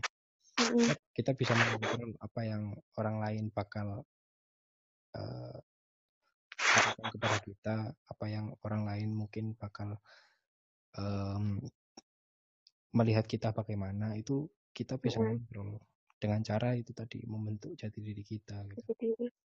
Nah makanya ya aku sih kayak iya. Heeh. sampai sekarang pun masih fokus untuk itu supaya ya suatu hari misalnya ada memang dipertemukan jodohku gitu ya aku pasti Mm. bakal Yap. karena katanya kan jodoh adalah cerminan diri kan Mm-mm. Nah itu kita berharap jodoh yang baik tapi kita sendiri nggak baik kan ya gimana gitu Mm-mm. Iya sih itu bener. Ya sih nggak salah kok kamu gitu. Soalnya apalagi gini ya. Eh cowok kan, cowok kan pasti kan dia tuh bakal pimpin rumah tangga gitu kan. Nah, jadi kayak ya kamu kamu nggak salah gitu. Ya bener sih bener kamu kayak lebih apa namanya ya mempersiapkan buat masa depan gitu kan. Soalnya ada yang bilang kalau bisa lah gak usah fokus ambil pacaran, fokus ambil kamu dewe, terus apa jenenge cara sukses, sukses itu bakal kayak ada orang yang datangin sendiri kayak gitu. Kata orang-orang kayak gitu sih. Ini salah banget kok. Malah aku dukung kamu kayak gitu. ya makanya aku sempet kayak ngobrol sama temen-temen gitu ya kumpul sama temen-temen aku tuh sekarang ya karena aku cowok juga sih aku tuh sampai Mm-mm. udah mikirin bener-bener jauh ke depan gitu loh gimana nanti nikah gimana nanti um, beli rumah, gimana nanti menghidupi keluarga, itu benar-benar aku pikirin. Bahkan aku sampai sekarang udah belajar investasi, belajar nabung. Mantap. Untuk untuk itu, untuk persiapan-persiapan di masa depan. Ya. ya kayak mungkin biaya nikah, biaya beli rumah dan sebagainya. Aku ngobrol sama teman-teman, mereka malah ngetawain aku, bukan ngetawain, maksudnya kayak ya, kayak kamu itu masih umur segini ngapain mikir kayak gituan seneng seneng aja kayak gitu kan ya, kayak ya udah kalau misalnya misalnya jatuh cinta sama orang ya udah ajak pacaran aja gitu. Gak usah mikirin nikah nikah masih lama gitu bla bla bla bla. Lah justru itu justru karena masih lama harusnya kita persiapkan dari sekarang kan. Hmm. karena apalagi aku cowok itu tanggungannya banyak banget itu. Apalagi ya aku calon PNS tahu sendiri PNS gajinya berapa gitu. Nah. gitu. Kalau emang apa ya kalau berharap menjadi PNS kaya sebenarnya bisa. Menjadi PNS yang kaya itu bisa cuman kayaknya bukan dari PNS cuman bukan menggantungkan cuman dari PNS tapi ya usaha sendiri. Makanya sampai sekarang tuh ya, aku kayak belajar investasi belajar mulai buka usaha dan sebagainya. Dari situ aku pelan-pelan apa ya belajar juga gitu bagaimana uh, nanti menata masa depan. Karena justru mm. ketika kita masih muda ketika kita udah dewasa udah menginjak masa dewasa ini ya harusnya kita udah nggak mikirin hal-hal yang main-main gitu. Kita harusnya mikirin hal yang serius untuk mungkin 3 sampai lima tahun ke depan atau mungkin 10 tahun ke depan itu apa yang harus kita raih. Itu kita persiapkan dari sekarang itu apalagi cowok cowok bebannya banyak banget tuh secara finansial apalagi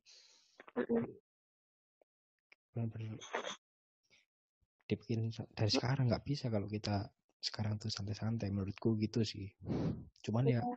terserah mereka yang masih punya prinsip untuk sendiri gitu kan. ya menggunakan masa mudanya untuk bersenang-senang supaya masa tuanya bisa santai-santai lah. Sekarang kita pikir deh kalau kita sekarang santai-santai masa tuanya malah harus kerja keras gimana? Nah mendingan sakit-sakit dahulu senang-senang kemudian kan. Mm mumpung masih muda justru apa ya laku ya boleh melakukan apa pun yang kita mau lakukan boleh. Asal jangan lupa sama masa tua gitu sih menurut iya sih kan apa ya senang-senang itu kan juga hak kan. Sedangkan kewajiban kita tuh belum kita penuhi gitu loh. Jadi kayak mesti kalau mau mau kayak senang-senang tuh mesti mikir dulu kayak kewajibanku udah belum ya? Kayak misalkan ya tadi itu katamu tadi kayak uh, apa namanya bisa nggak aku ntar apa namanya menghidupi keluarga aku di masa depan kayak gini gini kayak gitu. Nah iya benar banget. Kayak hmm. banyak orang yang melupain kewajiban mereka tapi menuntut hak gitu loh. Nah gitu. Banyak yang dahulukan hak gitu.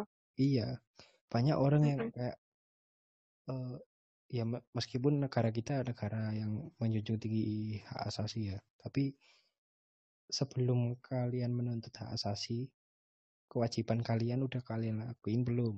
Itu sih.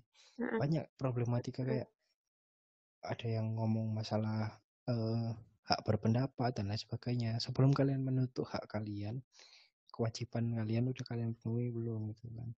Karena apalagi kasusnya kan sekarang banyak yang uh, menggunakan sosial media dengan cara yang nggak benar kan, dengan ya. berkedok uh, hak untuk berbicara gitu di sosial media. Ya. Jadinya ya. mereka ngomong ngomong apa pun dengan cara mungkin nggak sopan atau kurang enak gitu. Mereka ya. melupakan kewajiban mereka untuk menghargai uh, perasaan orang lain, menghargai hak nah. bicara orang lain juga. Uh-uh. Mereka ngomong seenaknya dengan bilang, ya ini kan hak berbicara juga gitu. Nah, uh-uh. Ya mereka Aku... ya sebelum ngomong hak kewajibanmu dulu diomongin gitu kan harusnya. Iya. Apalagi kerasa banget gitu nggak sih di Twitter itu. Aku baca komennya orang-orang tuh kok, kok bisa ya mereka ngomong gini. Kayak aku ngomong gitu tuh kayak masih mikir-mikir dulu gitu loh ya, apa ya misalnya ngomong gitu perasaan orang lain gimana ya kok ngono ya? Ya serem-serem gitu loh menurutku sih Iya, bahkan aku jarang banget kayak komen-komen di mana pun ya, mau di YouTube, mau di mm. Instagram, Twitter itu, mm. kayak misalnya nih lihat postingan yang mungkin eh, gak enak gitu ya. Mereka Mm. kalau mereka itu lebih suka ngomen-ngomen yang jahat itu, ngebully seseorang atau apa. Tapi kalau aku kayak buat apa gitu loh. Iya, kayak Ya ya cukup disimpan nggak sendiri aja lah. Heeh. Aja ini ngapain dan namanya. Iya bener. Bahkan beberapa hari yang lalu kan banyak tuh berita apa namanya ada yang selebgram mau bunuh diri, ada yang eh, apa namanya public figure yang sampai akhirnya dia mentalnya down gara-gara dibully sama netizen itu dan mereka Hmm, ya itulah mereka menuntut hak berbicara tapi melupakan kewajiban untuk menghargai perasaan orang lain gitu iya sih. heeh. Lagian lo ya kan nggak kenal kan. Kenapa nggak apa ya? Kenapa nggak bisa dibatin aja gitu loh? Ya kalian ngomong itu lo buat apa gitu. iya makanya Parah banget orang-orang. yang nggak masuk akal apalagi yang itu yang artis Korea yang pelakor itu yang dulu tuh Oh ya itu gimana sih ceritanya? ya nggak tahu ya ya ada drakor kalau nggak salah ya ya pokok Ah. si artis ini perannya jadi pelakor karena Mm-mm. Ya na- namanya netizen lah. Terbawa emosi. Akhirnya komen ke Instagram pribadinya si artis ini. Heeh. ya itu pelakor pelakor pelakor dibully lah pokoknya. Padahal ya itu acting loh. Maksudnya sedangkan itu kah orang-orang Indonesia itu. Cuman masalah acting. Ya di sisi lain ini sih di sisi lain eh, orang Indonesia seperti itu berarti emang actingnya dia bagus gitu bisa membawa emosi gitu tapi ya Mm. ya nggak setolol itu loh orang Indonesia Iya sih. Heeh sih. Miris gitu loh. Kayak kita masih apa ya? Kayak masih banyak yang bisa kita lakuin daripada kita ngebully orang gitu loh. iya makanya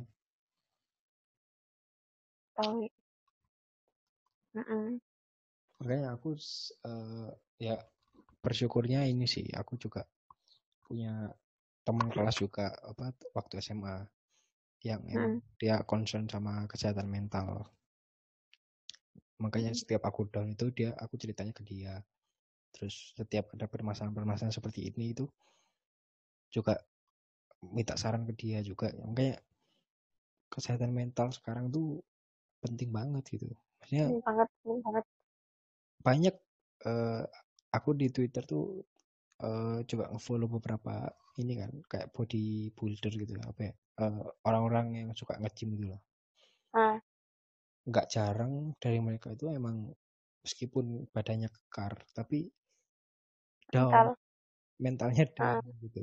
Se- sering tuh tweet-tweet yang mereka nge-tweet nge-tweet masalah-masalah down apa permasalahan-permasalahan pribadi dan sebagainya. Jadi eh sesehat apa pun fisik orang kalau mentalnya down ya bakal down semua dan masalah mental kesehatan mental ini jarang gitu loh di Indonesia kayak masih jadi hal yang Kayak tabu, kayak malu-maluin gitu kan. Malah ntar jadinya dibully kayak gitu loh. iya jadi hal yang nomor sekian gitu loh nggak nggak penting Heeh. padahal menurutku penting Heeh. banget selama ini mungkin mungkin Kementerian Kesehatan misalnya ya, mungkin mereka cuman ngomongin soal kesehatan fisik imun dan sebagainya pola makan tapi mereka jarang banget ngomongin soal kesehatan mental gitu. Jarang apa ya jarang mempublik- mempu- mempublikasikan atau mensosialisasikan pada masyarakat. Nah makanya aku sendiri pun karena salah satu orang yang concern juga dengan platform ini aku juga bakal apa ya minimal aku melakukan gerakan kecil untuk menyadarkan masyarakat masalah kesehatan mental gitu makanya aku apa ya ya gitulah mencoba untuk syukur-syukur bisa jadi masuk kurikulum di sekolah gitu masalah kesehatan mental semoga ya. iya Semoga sih gitu. Soalnya gimana ya, kayak aku ngerasa banget kayak baru ngerasa kalau kayak mental apa ya bukan terganggu sih kayak apa ya kayak semakin gede tuh kayak rasanya kayak ada aja gitu loh iya nggak sih? Mm-mm. nah, itu jadi kayak apa aku perlu ke psikiater ya gitu loh. Sampai dan sampai segitunya takut kayak gitu kadang kita bingung Kok untuk wajar itu. bingung untuk apa ya mencari solusinya gitu loh kalau kita down iya nggak sih? Iya bener-bener kalau ya, apa cuma aku doang yang kayak gini gitu. iya kalau mungkin kesehatan fisik ketika kita sakit mungkin obatnya banyak gitu kita bisa mengatasi mm -mm. tapi kalau kesehatan mental itu susah gitu makanya hal ini tuh harus disosialisasikan gitu loh dan yang penting itu merubah stigma masyarakat sih kalau orang yang punya apa ya um, kondisi mental yang terganggu bukan berarti mereka gila mm -mm.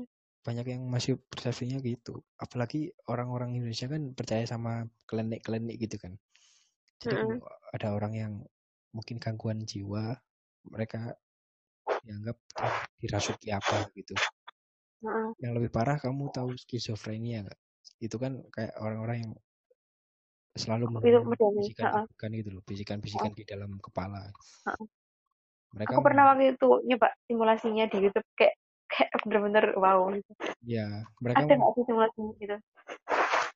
Di sekitarku aku nggak tahu ya, nggak tahu. Maksudnya kelihatannya sih nggak ada, cuman nggak tahu juga gitu. Tapi uh, mungkin kalau orang Indonesia yang awam mereka menganggap kalau dibisikin setan atau apa gitu kan mm -hmm. ya itulah uh, apa namanya perlu sosialisasi masalah kayak gitu-gitu gitu biar nggak apa ya biar karena gini kesehatan itu kompleks menurutku. Ya kamu yang ya, kuliah di bidang kesehatan pasti tahu lah. Karena kesehatan itu nggak cuma fisik kan tapi kesehatan mm -hmm. mental. Sama kes, kalau di WM, eh, WMO WHO itu uh, kesehatan dibagi tiga fisik mental sama sosial. Hmm. dan dan selama ini di Indonesia tuh mungkin kesehatan mental sama kesehatan sosial itu mungkin kurang jadi concern gitu loh. Uh -uh. jangan kan kesehatan mental sosial ya tapi fisik aja mungkin juga gitu. Banyak orang yang masih menerapkan pola hidup yang kurang sehat dan sebagainya. Makan yang nggak teratur. Olahraga juga masih di nomor kan. Uh. dan ya itu makanya balik lagi investasi terbesar di kehidupan kita itu ya diri kita sendiri gitu. Kalau dan di diri kita sendiri kalau kita telaah lagi kesehatan itu paling penting di luar pendidikan dan keimanan dan sebagainya ya. Karena kalau tubuh kita sehat ya otomatis kita mau belajar enak mau ibadah enak ya kan. Nah, dan masih banyak orang yang masih menomorduakan hal itu gitu loh. Atau bahkan menomorsiakan hal itu kesehatan. Makanya kenapa kesehatan itu penting untuk disuarakan ya. Terutama kesehatan mental. Makanya dari platform ini aku juga apa ya belajar untuk menyuarakan apa yang seharusnya disuarakan. Mm -mm. Gitu sih. Terus menurutmu gimana kalau kita kita sering nggak sih kayak aku cerita gitu ya ke orang kayak kok aku gini ya? Kenapa kok sering mikir? Kenapa kok aku masih kayak apa ya pokoknya yang negatif gitulah entah entah mikir yang enggak enggak maksudnya kayak uh, kayak overthinking terus kayak aku kehilangan minat sama apa pun gitu. Terus mesti orang-orang tuh kayak bilang kayak ah kamu kurang dekat aja sama Allah ibadahmu kurang. Menurutmu hmm. kayak gimana gitu gimana caramu menyikapi hal seperti itu? Sebenarnya apa yang mereka katakan benar memang kurang dekat sama Allah itu benar memang bisa jadi lah uh. bisa jadi tapi uh. itu nggak seharusnya dikatakan ketika ada orang yang memang butuh bantuan atau butuh uh. orang yang untuk mendengarkan ceritanya sebenarnya uh, the best thing to do untuk uh, men apa ya mengatasi orang-orang yang seperti itu yang mental down atau apa cukup mendengarkan dan diam udah cuman itu doang segampang itu sebenarnya cuman mm. eh, apa ya orang-orang yang lagi down itu cuman butuh didengarkan aja sebenarnya nggak butuh untuk apa dikritiki mm. atau tidak butuh untuk dikasih uh, pendapat sebenarnya kecuali mm. memang mereka butuh solusi atau tanya ke kita uh, sebaiknya gimana gimana gimana Nah, itu baru kita kasih eh, advice gimana tapi dengan cara tidak menyudutkan dia, tidak menjatuhkan dia seolah-olah dia yang salah gitu. Kayak contohnya tadi kan kamu kurang dekat sama Allah bla bla. Itu kan sama aja kita menyudutkan seolah-olah Heeh. dia yang salah gitu.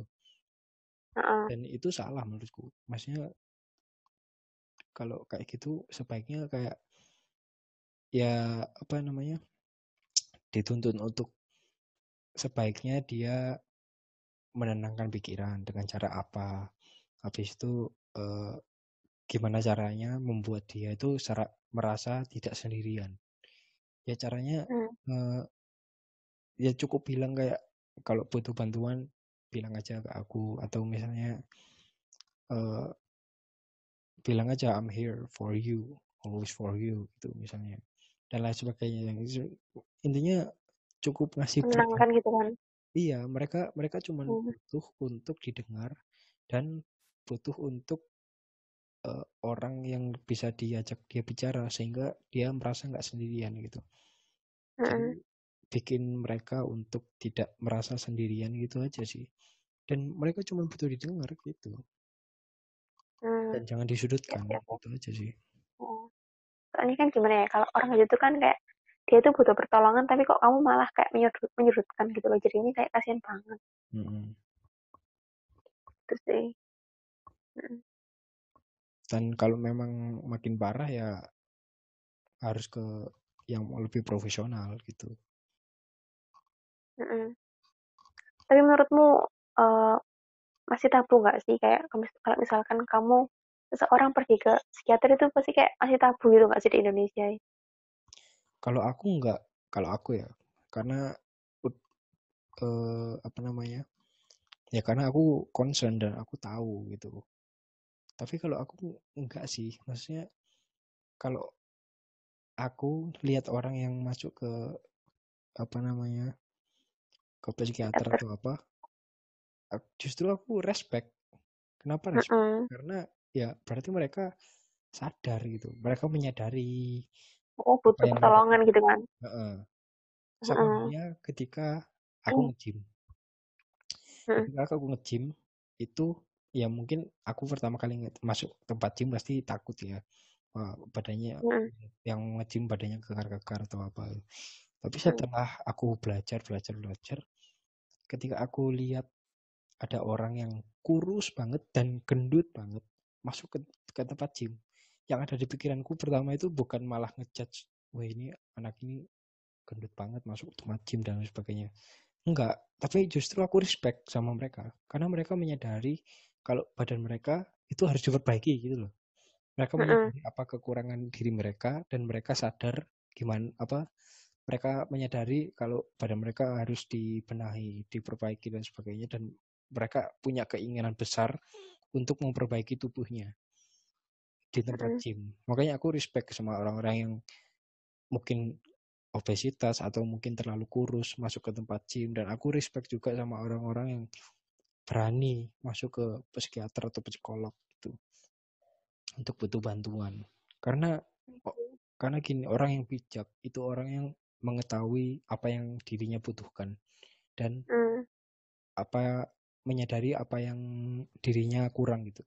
Kekurangan dalam dirinya. Makanya ya aku respect sih sama mereka. Dan menurutku aku menurutku itu bukan tabu sih. Bukan hal yang seharusnya jadi tabu. Makanya aku mencoba untuk apa ya menyebarkan eh, hal-hal seperti itu melalui apa yang aku punya sih. Instagram atau platform-platform seperti ini gitu sih. Tapi lingkungan kita kayak gitu nggak sih? Maksudnya kayak lingkungan di sekitar kita gitu.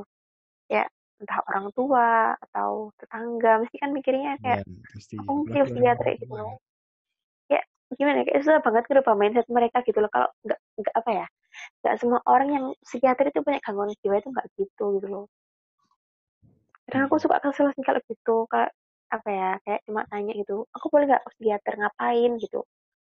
Jadinya tuh kayak malah kamu loh sholatnya tuh loh kayak apa namanya sholatnya kurang kurang ini kurang itu gitu loh kayak kok malah gini ya orang tua dibilangin gitu ya. Mungkin ya karena itu sih karena apa namanya eh, ngira kalau orang yang ke psikiater itu orang gila gitu padahal nggak kayak gitu.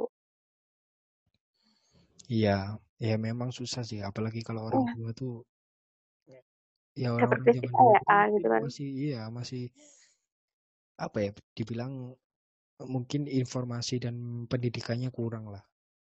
Kalau orang tua zaman dulu gitu, sepinter pinter Mm-mm. apa pun ya, maksudnya mungkin untuk orang-orang tua yang mungkin kuliah di psikolog atau apa mungkin mm, akan memahami hal itu. Mm-mm.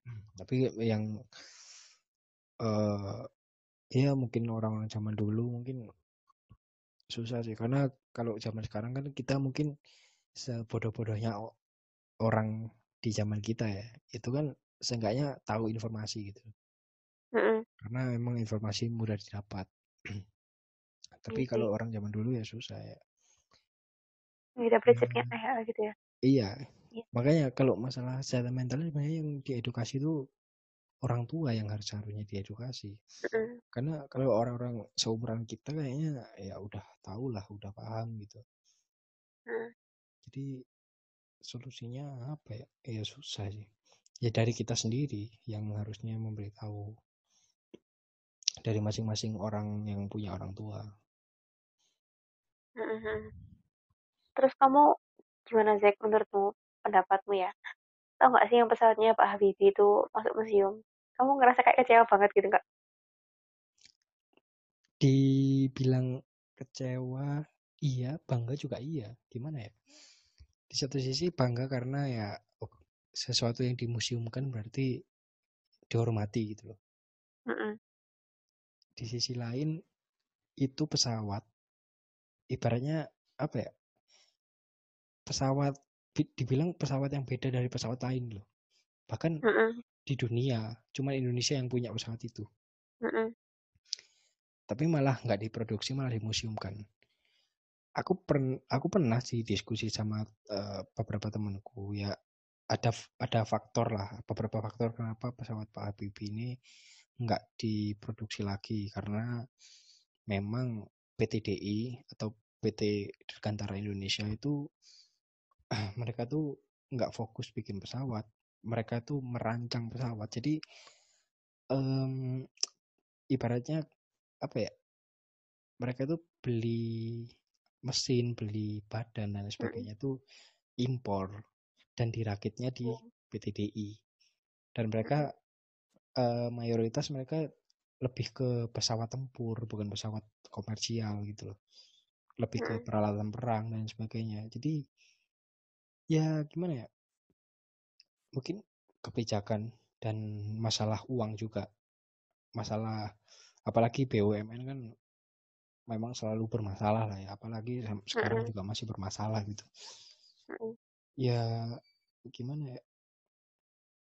Memang susah sih. Maksudnya gini dari sekian produk Indonesia produk yang ada di Indonesia ya itu pesawat Pak Habibie itu yang menurutku bisa jadi gebrakan gitu. gebrakan dan bisa memperbaiki ekonomi di Indonesia gitu. Andaikan itu diperbanyak diimpor kayaknya bakal laku gitu sama halnya kayak kalau di Amerika itu ada SpaceX tahu kan yang punya Mm. Elon Musk Mm-mm. itu Mm-mm. kan apa ya yang cuman punya teknologi itu cuman dia gitu SpaceX tuh dan disewakan di seluruh dunia dan ya bisa jadi pemasukan buat Amerika juga gitu. Nah, Nah. sama halnya kayak Indonesia kenapa nggak bikin nggak bikin kayak gitu di pesawatnya Pak Habibie gitu loh. Aku nggak Ah. tahu apa alasan itu semua. Aku pun masih mempertanyakan hal itu sebenarnya.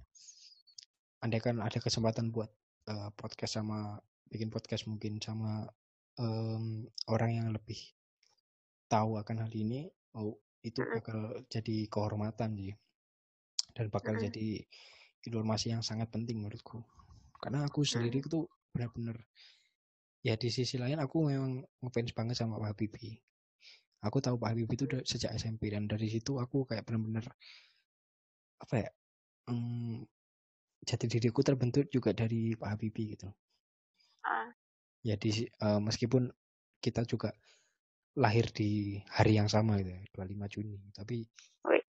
iya, dan itu benar-benar jadi motivasiku itu benar-benar Pak Habibie itu uh, luar biasa itu tapi ya di sisi lain gimana ya bahkan gini aku tuh punya banyak ide banget ya punya banyak banget Hmm. ide untuk pengembangan di bidang teknologi syukur-syukur bisa jadi pemasukan lah buat Indonesia gitu ya. Tapi itu benar-benar impian jangka panjang lah. Nggak tahu bakal terrealisasi berapa tahun kemudian. Tapi itu benar-benar udah ada ide gitu di pikiranku itu. Nah, tapi aku mulai berpikir dua kali. Bahkan sekelas Pak Habibie yang orang nomor satu di Indonesia berhasil mewujudkan cita-citanya tapi ujung-ujungnya cita-citanya itu berhenti di museum gitu loh. Nah, sedangkan aku apa daya aku yang yang cuman sebatas punya ide yang nggak sepinter Pak Joko Pak eh Pak Jokowi Pak Habibie dan bukan jadi nomor orang satu, nomor satu di Indonesia juga Hmm. Ya buat apa gitu ideku gitu. Makanya aku berpikir sejauh itu apa harus aku ngejar jabatan hanya demi uh, kepentinganku itu hanya demi ideku itu? Hmm. ya itu sih makanya aku uh, di sisi lain aku agak insecure gitu. Ibaratnya kayak apa bener ya ideku harusnya direalisasikan atau harusnya aku udah aku cuman sebatas punya ide aja gitu. Aku hentikan di sini gitu. Jadi aku berpikir dua kali karena kejadian saat menyapa Habibie itu masuk museum. Hmm. jadi apa ya bikin orang Indonesia yang punya ide cemerlang dan eh, mungkin bisa jadi gebrakan di Indonesia atau bahkan di dunia itu takut untuk berkarya untuk mengeluarkan karyanya Hmm. Ya, Iya. itu kejadian yang mungkin diambil dari apa ya yaitu pikiran dari kejadiannya itu pesawatnya Pak Habibie Hmm. Kayak gimana ya? Ya kasihan juga sih tapi ya mungkin ya karena itu faktor ekonomi juga sih. Tapi kan menurutku gimana ya? Ya eh, orang Indonesia itu kayak bobrok gitu loh. Maksudnya dalam sisi apa ya? Kayak kamu tau gak sih kayak banyak banget korupsi.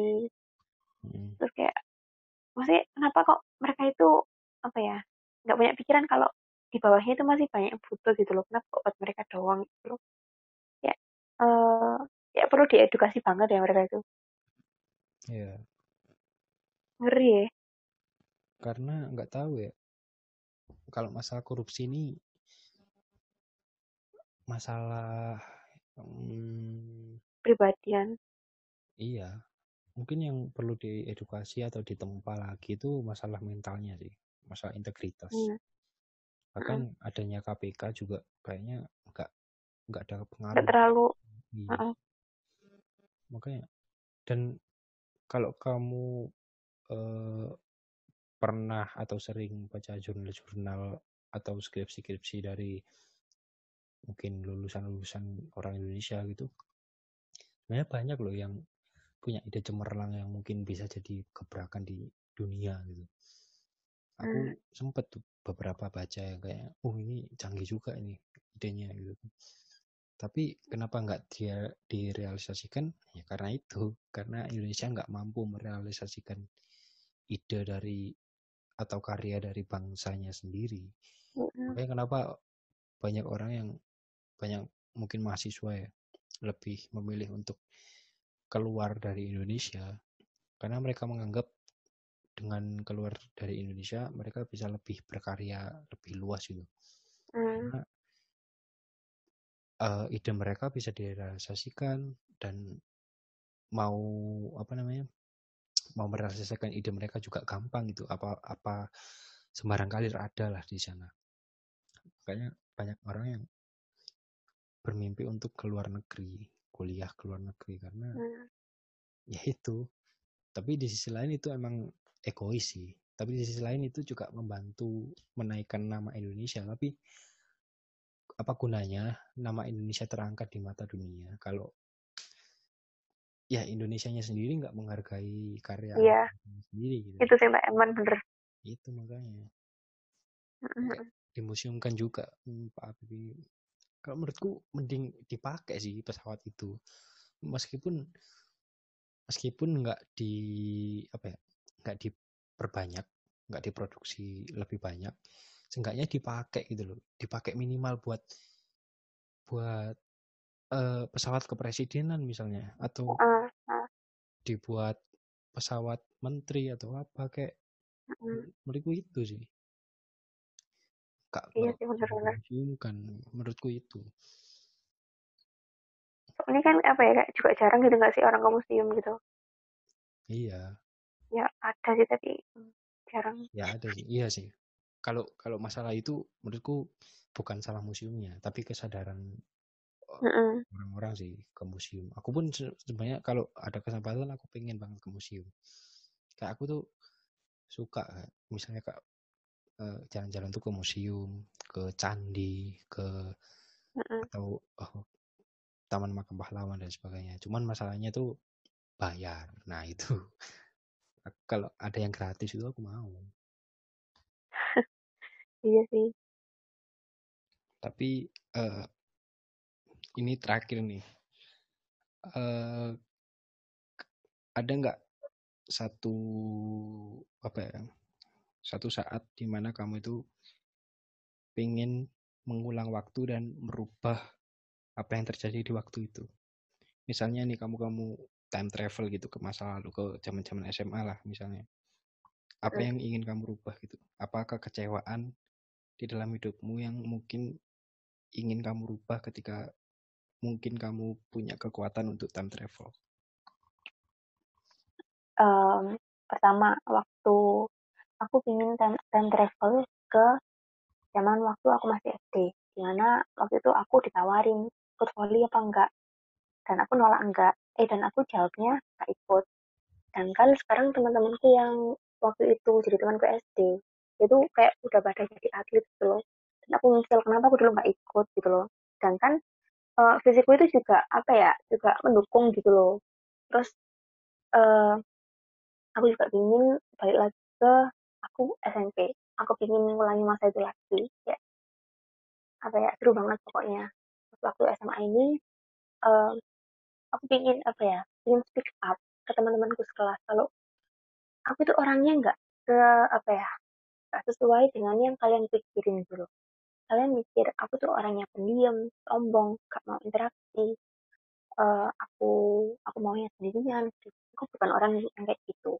Kalian bener-bener salah nilai aku. Em, dan tolong eh, jangan percaya sama eh, kalau mau menilai orang jangan percaya sama perkataan orang lain. Tapi coba kalian interaksi sama aku. Tuh. Dan apalagi ya eh, aku juga ingin sih balik lagi ke SMA buat kayak ikut organisasi terus kenal sama teman-teman di luar kelas lebih banyak. Karena apa ya eh, menurutku di SMA itu yang bikin seneng itu kayak organisasinya sih. Kayak karawitannya terus SKI gitu. aku pengen ngulang itu lagi terus eh, aku juga ingin bilang waktu SMA itu tolong apa ya eh, jangan apa ya jangan jangan mengucilkan orang gitu. Kan kayak temanku yang satu ini yang waktu itu sekelas sama aku itu kayak dia itu bener-bener lebih parah daripada aku aku merasa kayak aku masih bersyukur gitu loh. Aku masih bisa survive sendirian sama teman-temanku yang apa ya yang kelompok kecil ini.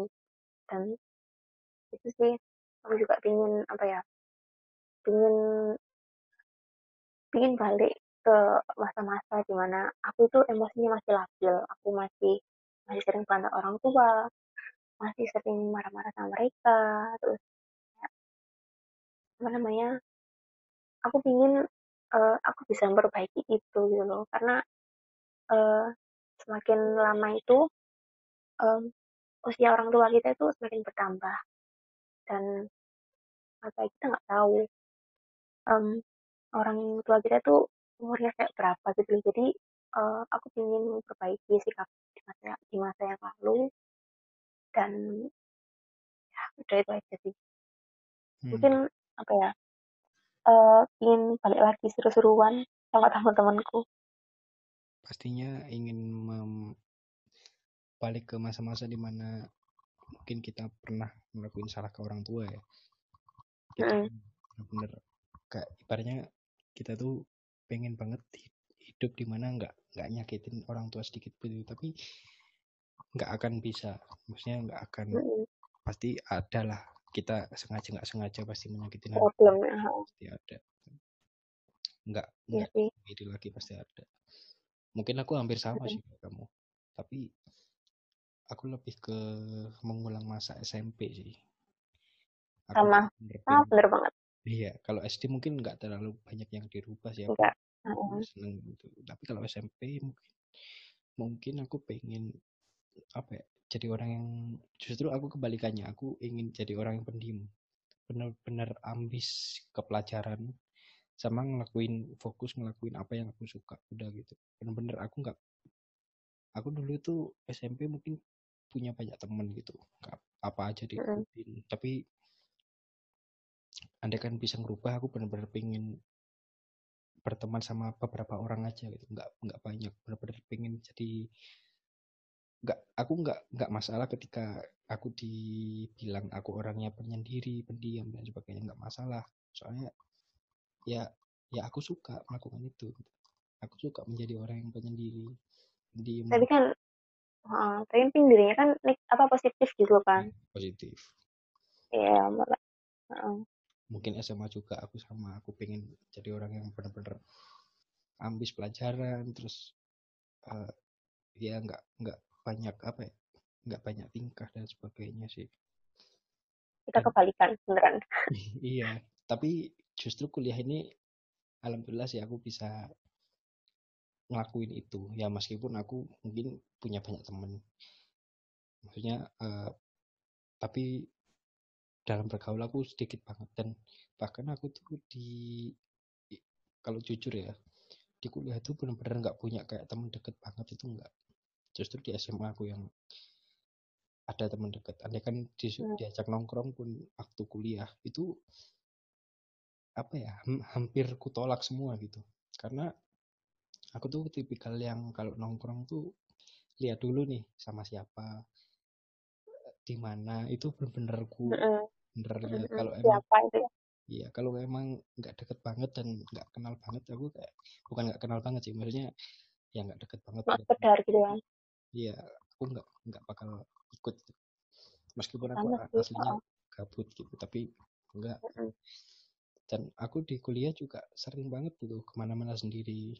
Bahkan yang paling aneh itu nonton film sendiri Dan- tapi ya nggak apa-apa gitu. aku seneng ngelakuin itu. Dari SMA sih sebenarnya kayak gitu tapi sampai temanku itu bilang nonton film gak ajak-ajak gitu. Aku pulang tuh di kosan dari mana nih nonton film?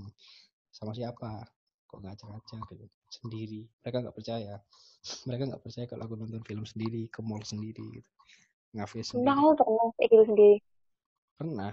Karena bukan bukannya aku nggak mau ngajak ya. Tapi gini untuk apa aku apa namanya keluar eh, ngajak temen yang nggak frekuensi Heeh. jadinya kan nanti apa ya ya nggak beban seru buat kita gitu kan? Iya. Jadi mending, wasting time. men- ya, men- mending aku keluar sendiri. Aku benar-benar bisa apa ya ya bisa ngobrol sama diriku sendiri bisa bisa ngelakuin time. apa pun yang aku Heeh. inginkan gitu.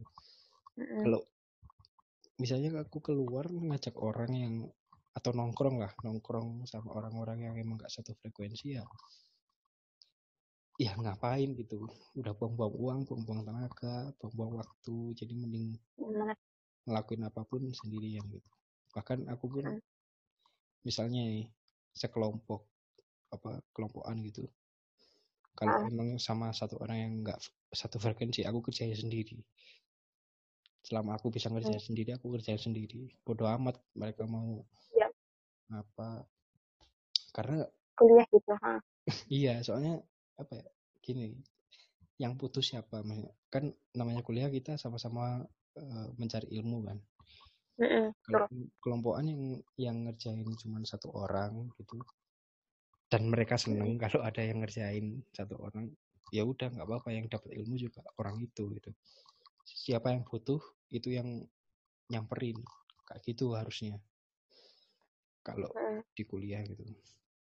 Ya sampai sekarang pun kita juga masih apa ya masih banyak problematika yang mungkin belum kita hadapi di kehidupan ini dan ya itu namanya proses pembelajaran gitu. Pasti bakal ada apa ya ada masalah-masalah yang lebih berat nanti Mm-mm.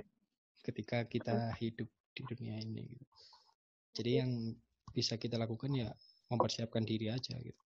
Apa yang apa yang kita punya apa yang kita bisa itu maksimalin supaya ketika ada masalah yang mungkin lebih berat dari dulu-dulu atau dari sekarang itu kita lebih siap gitu siap mental apalagi Siap, siap.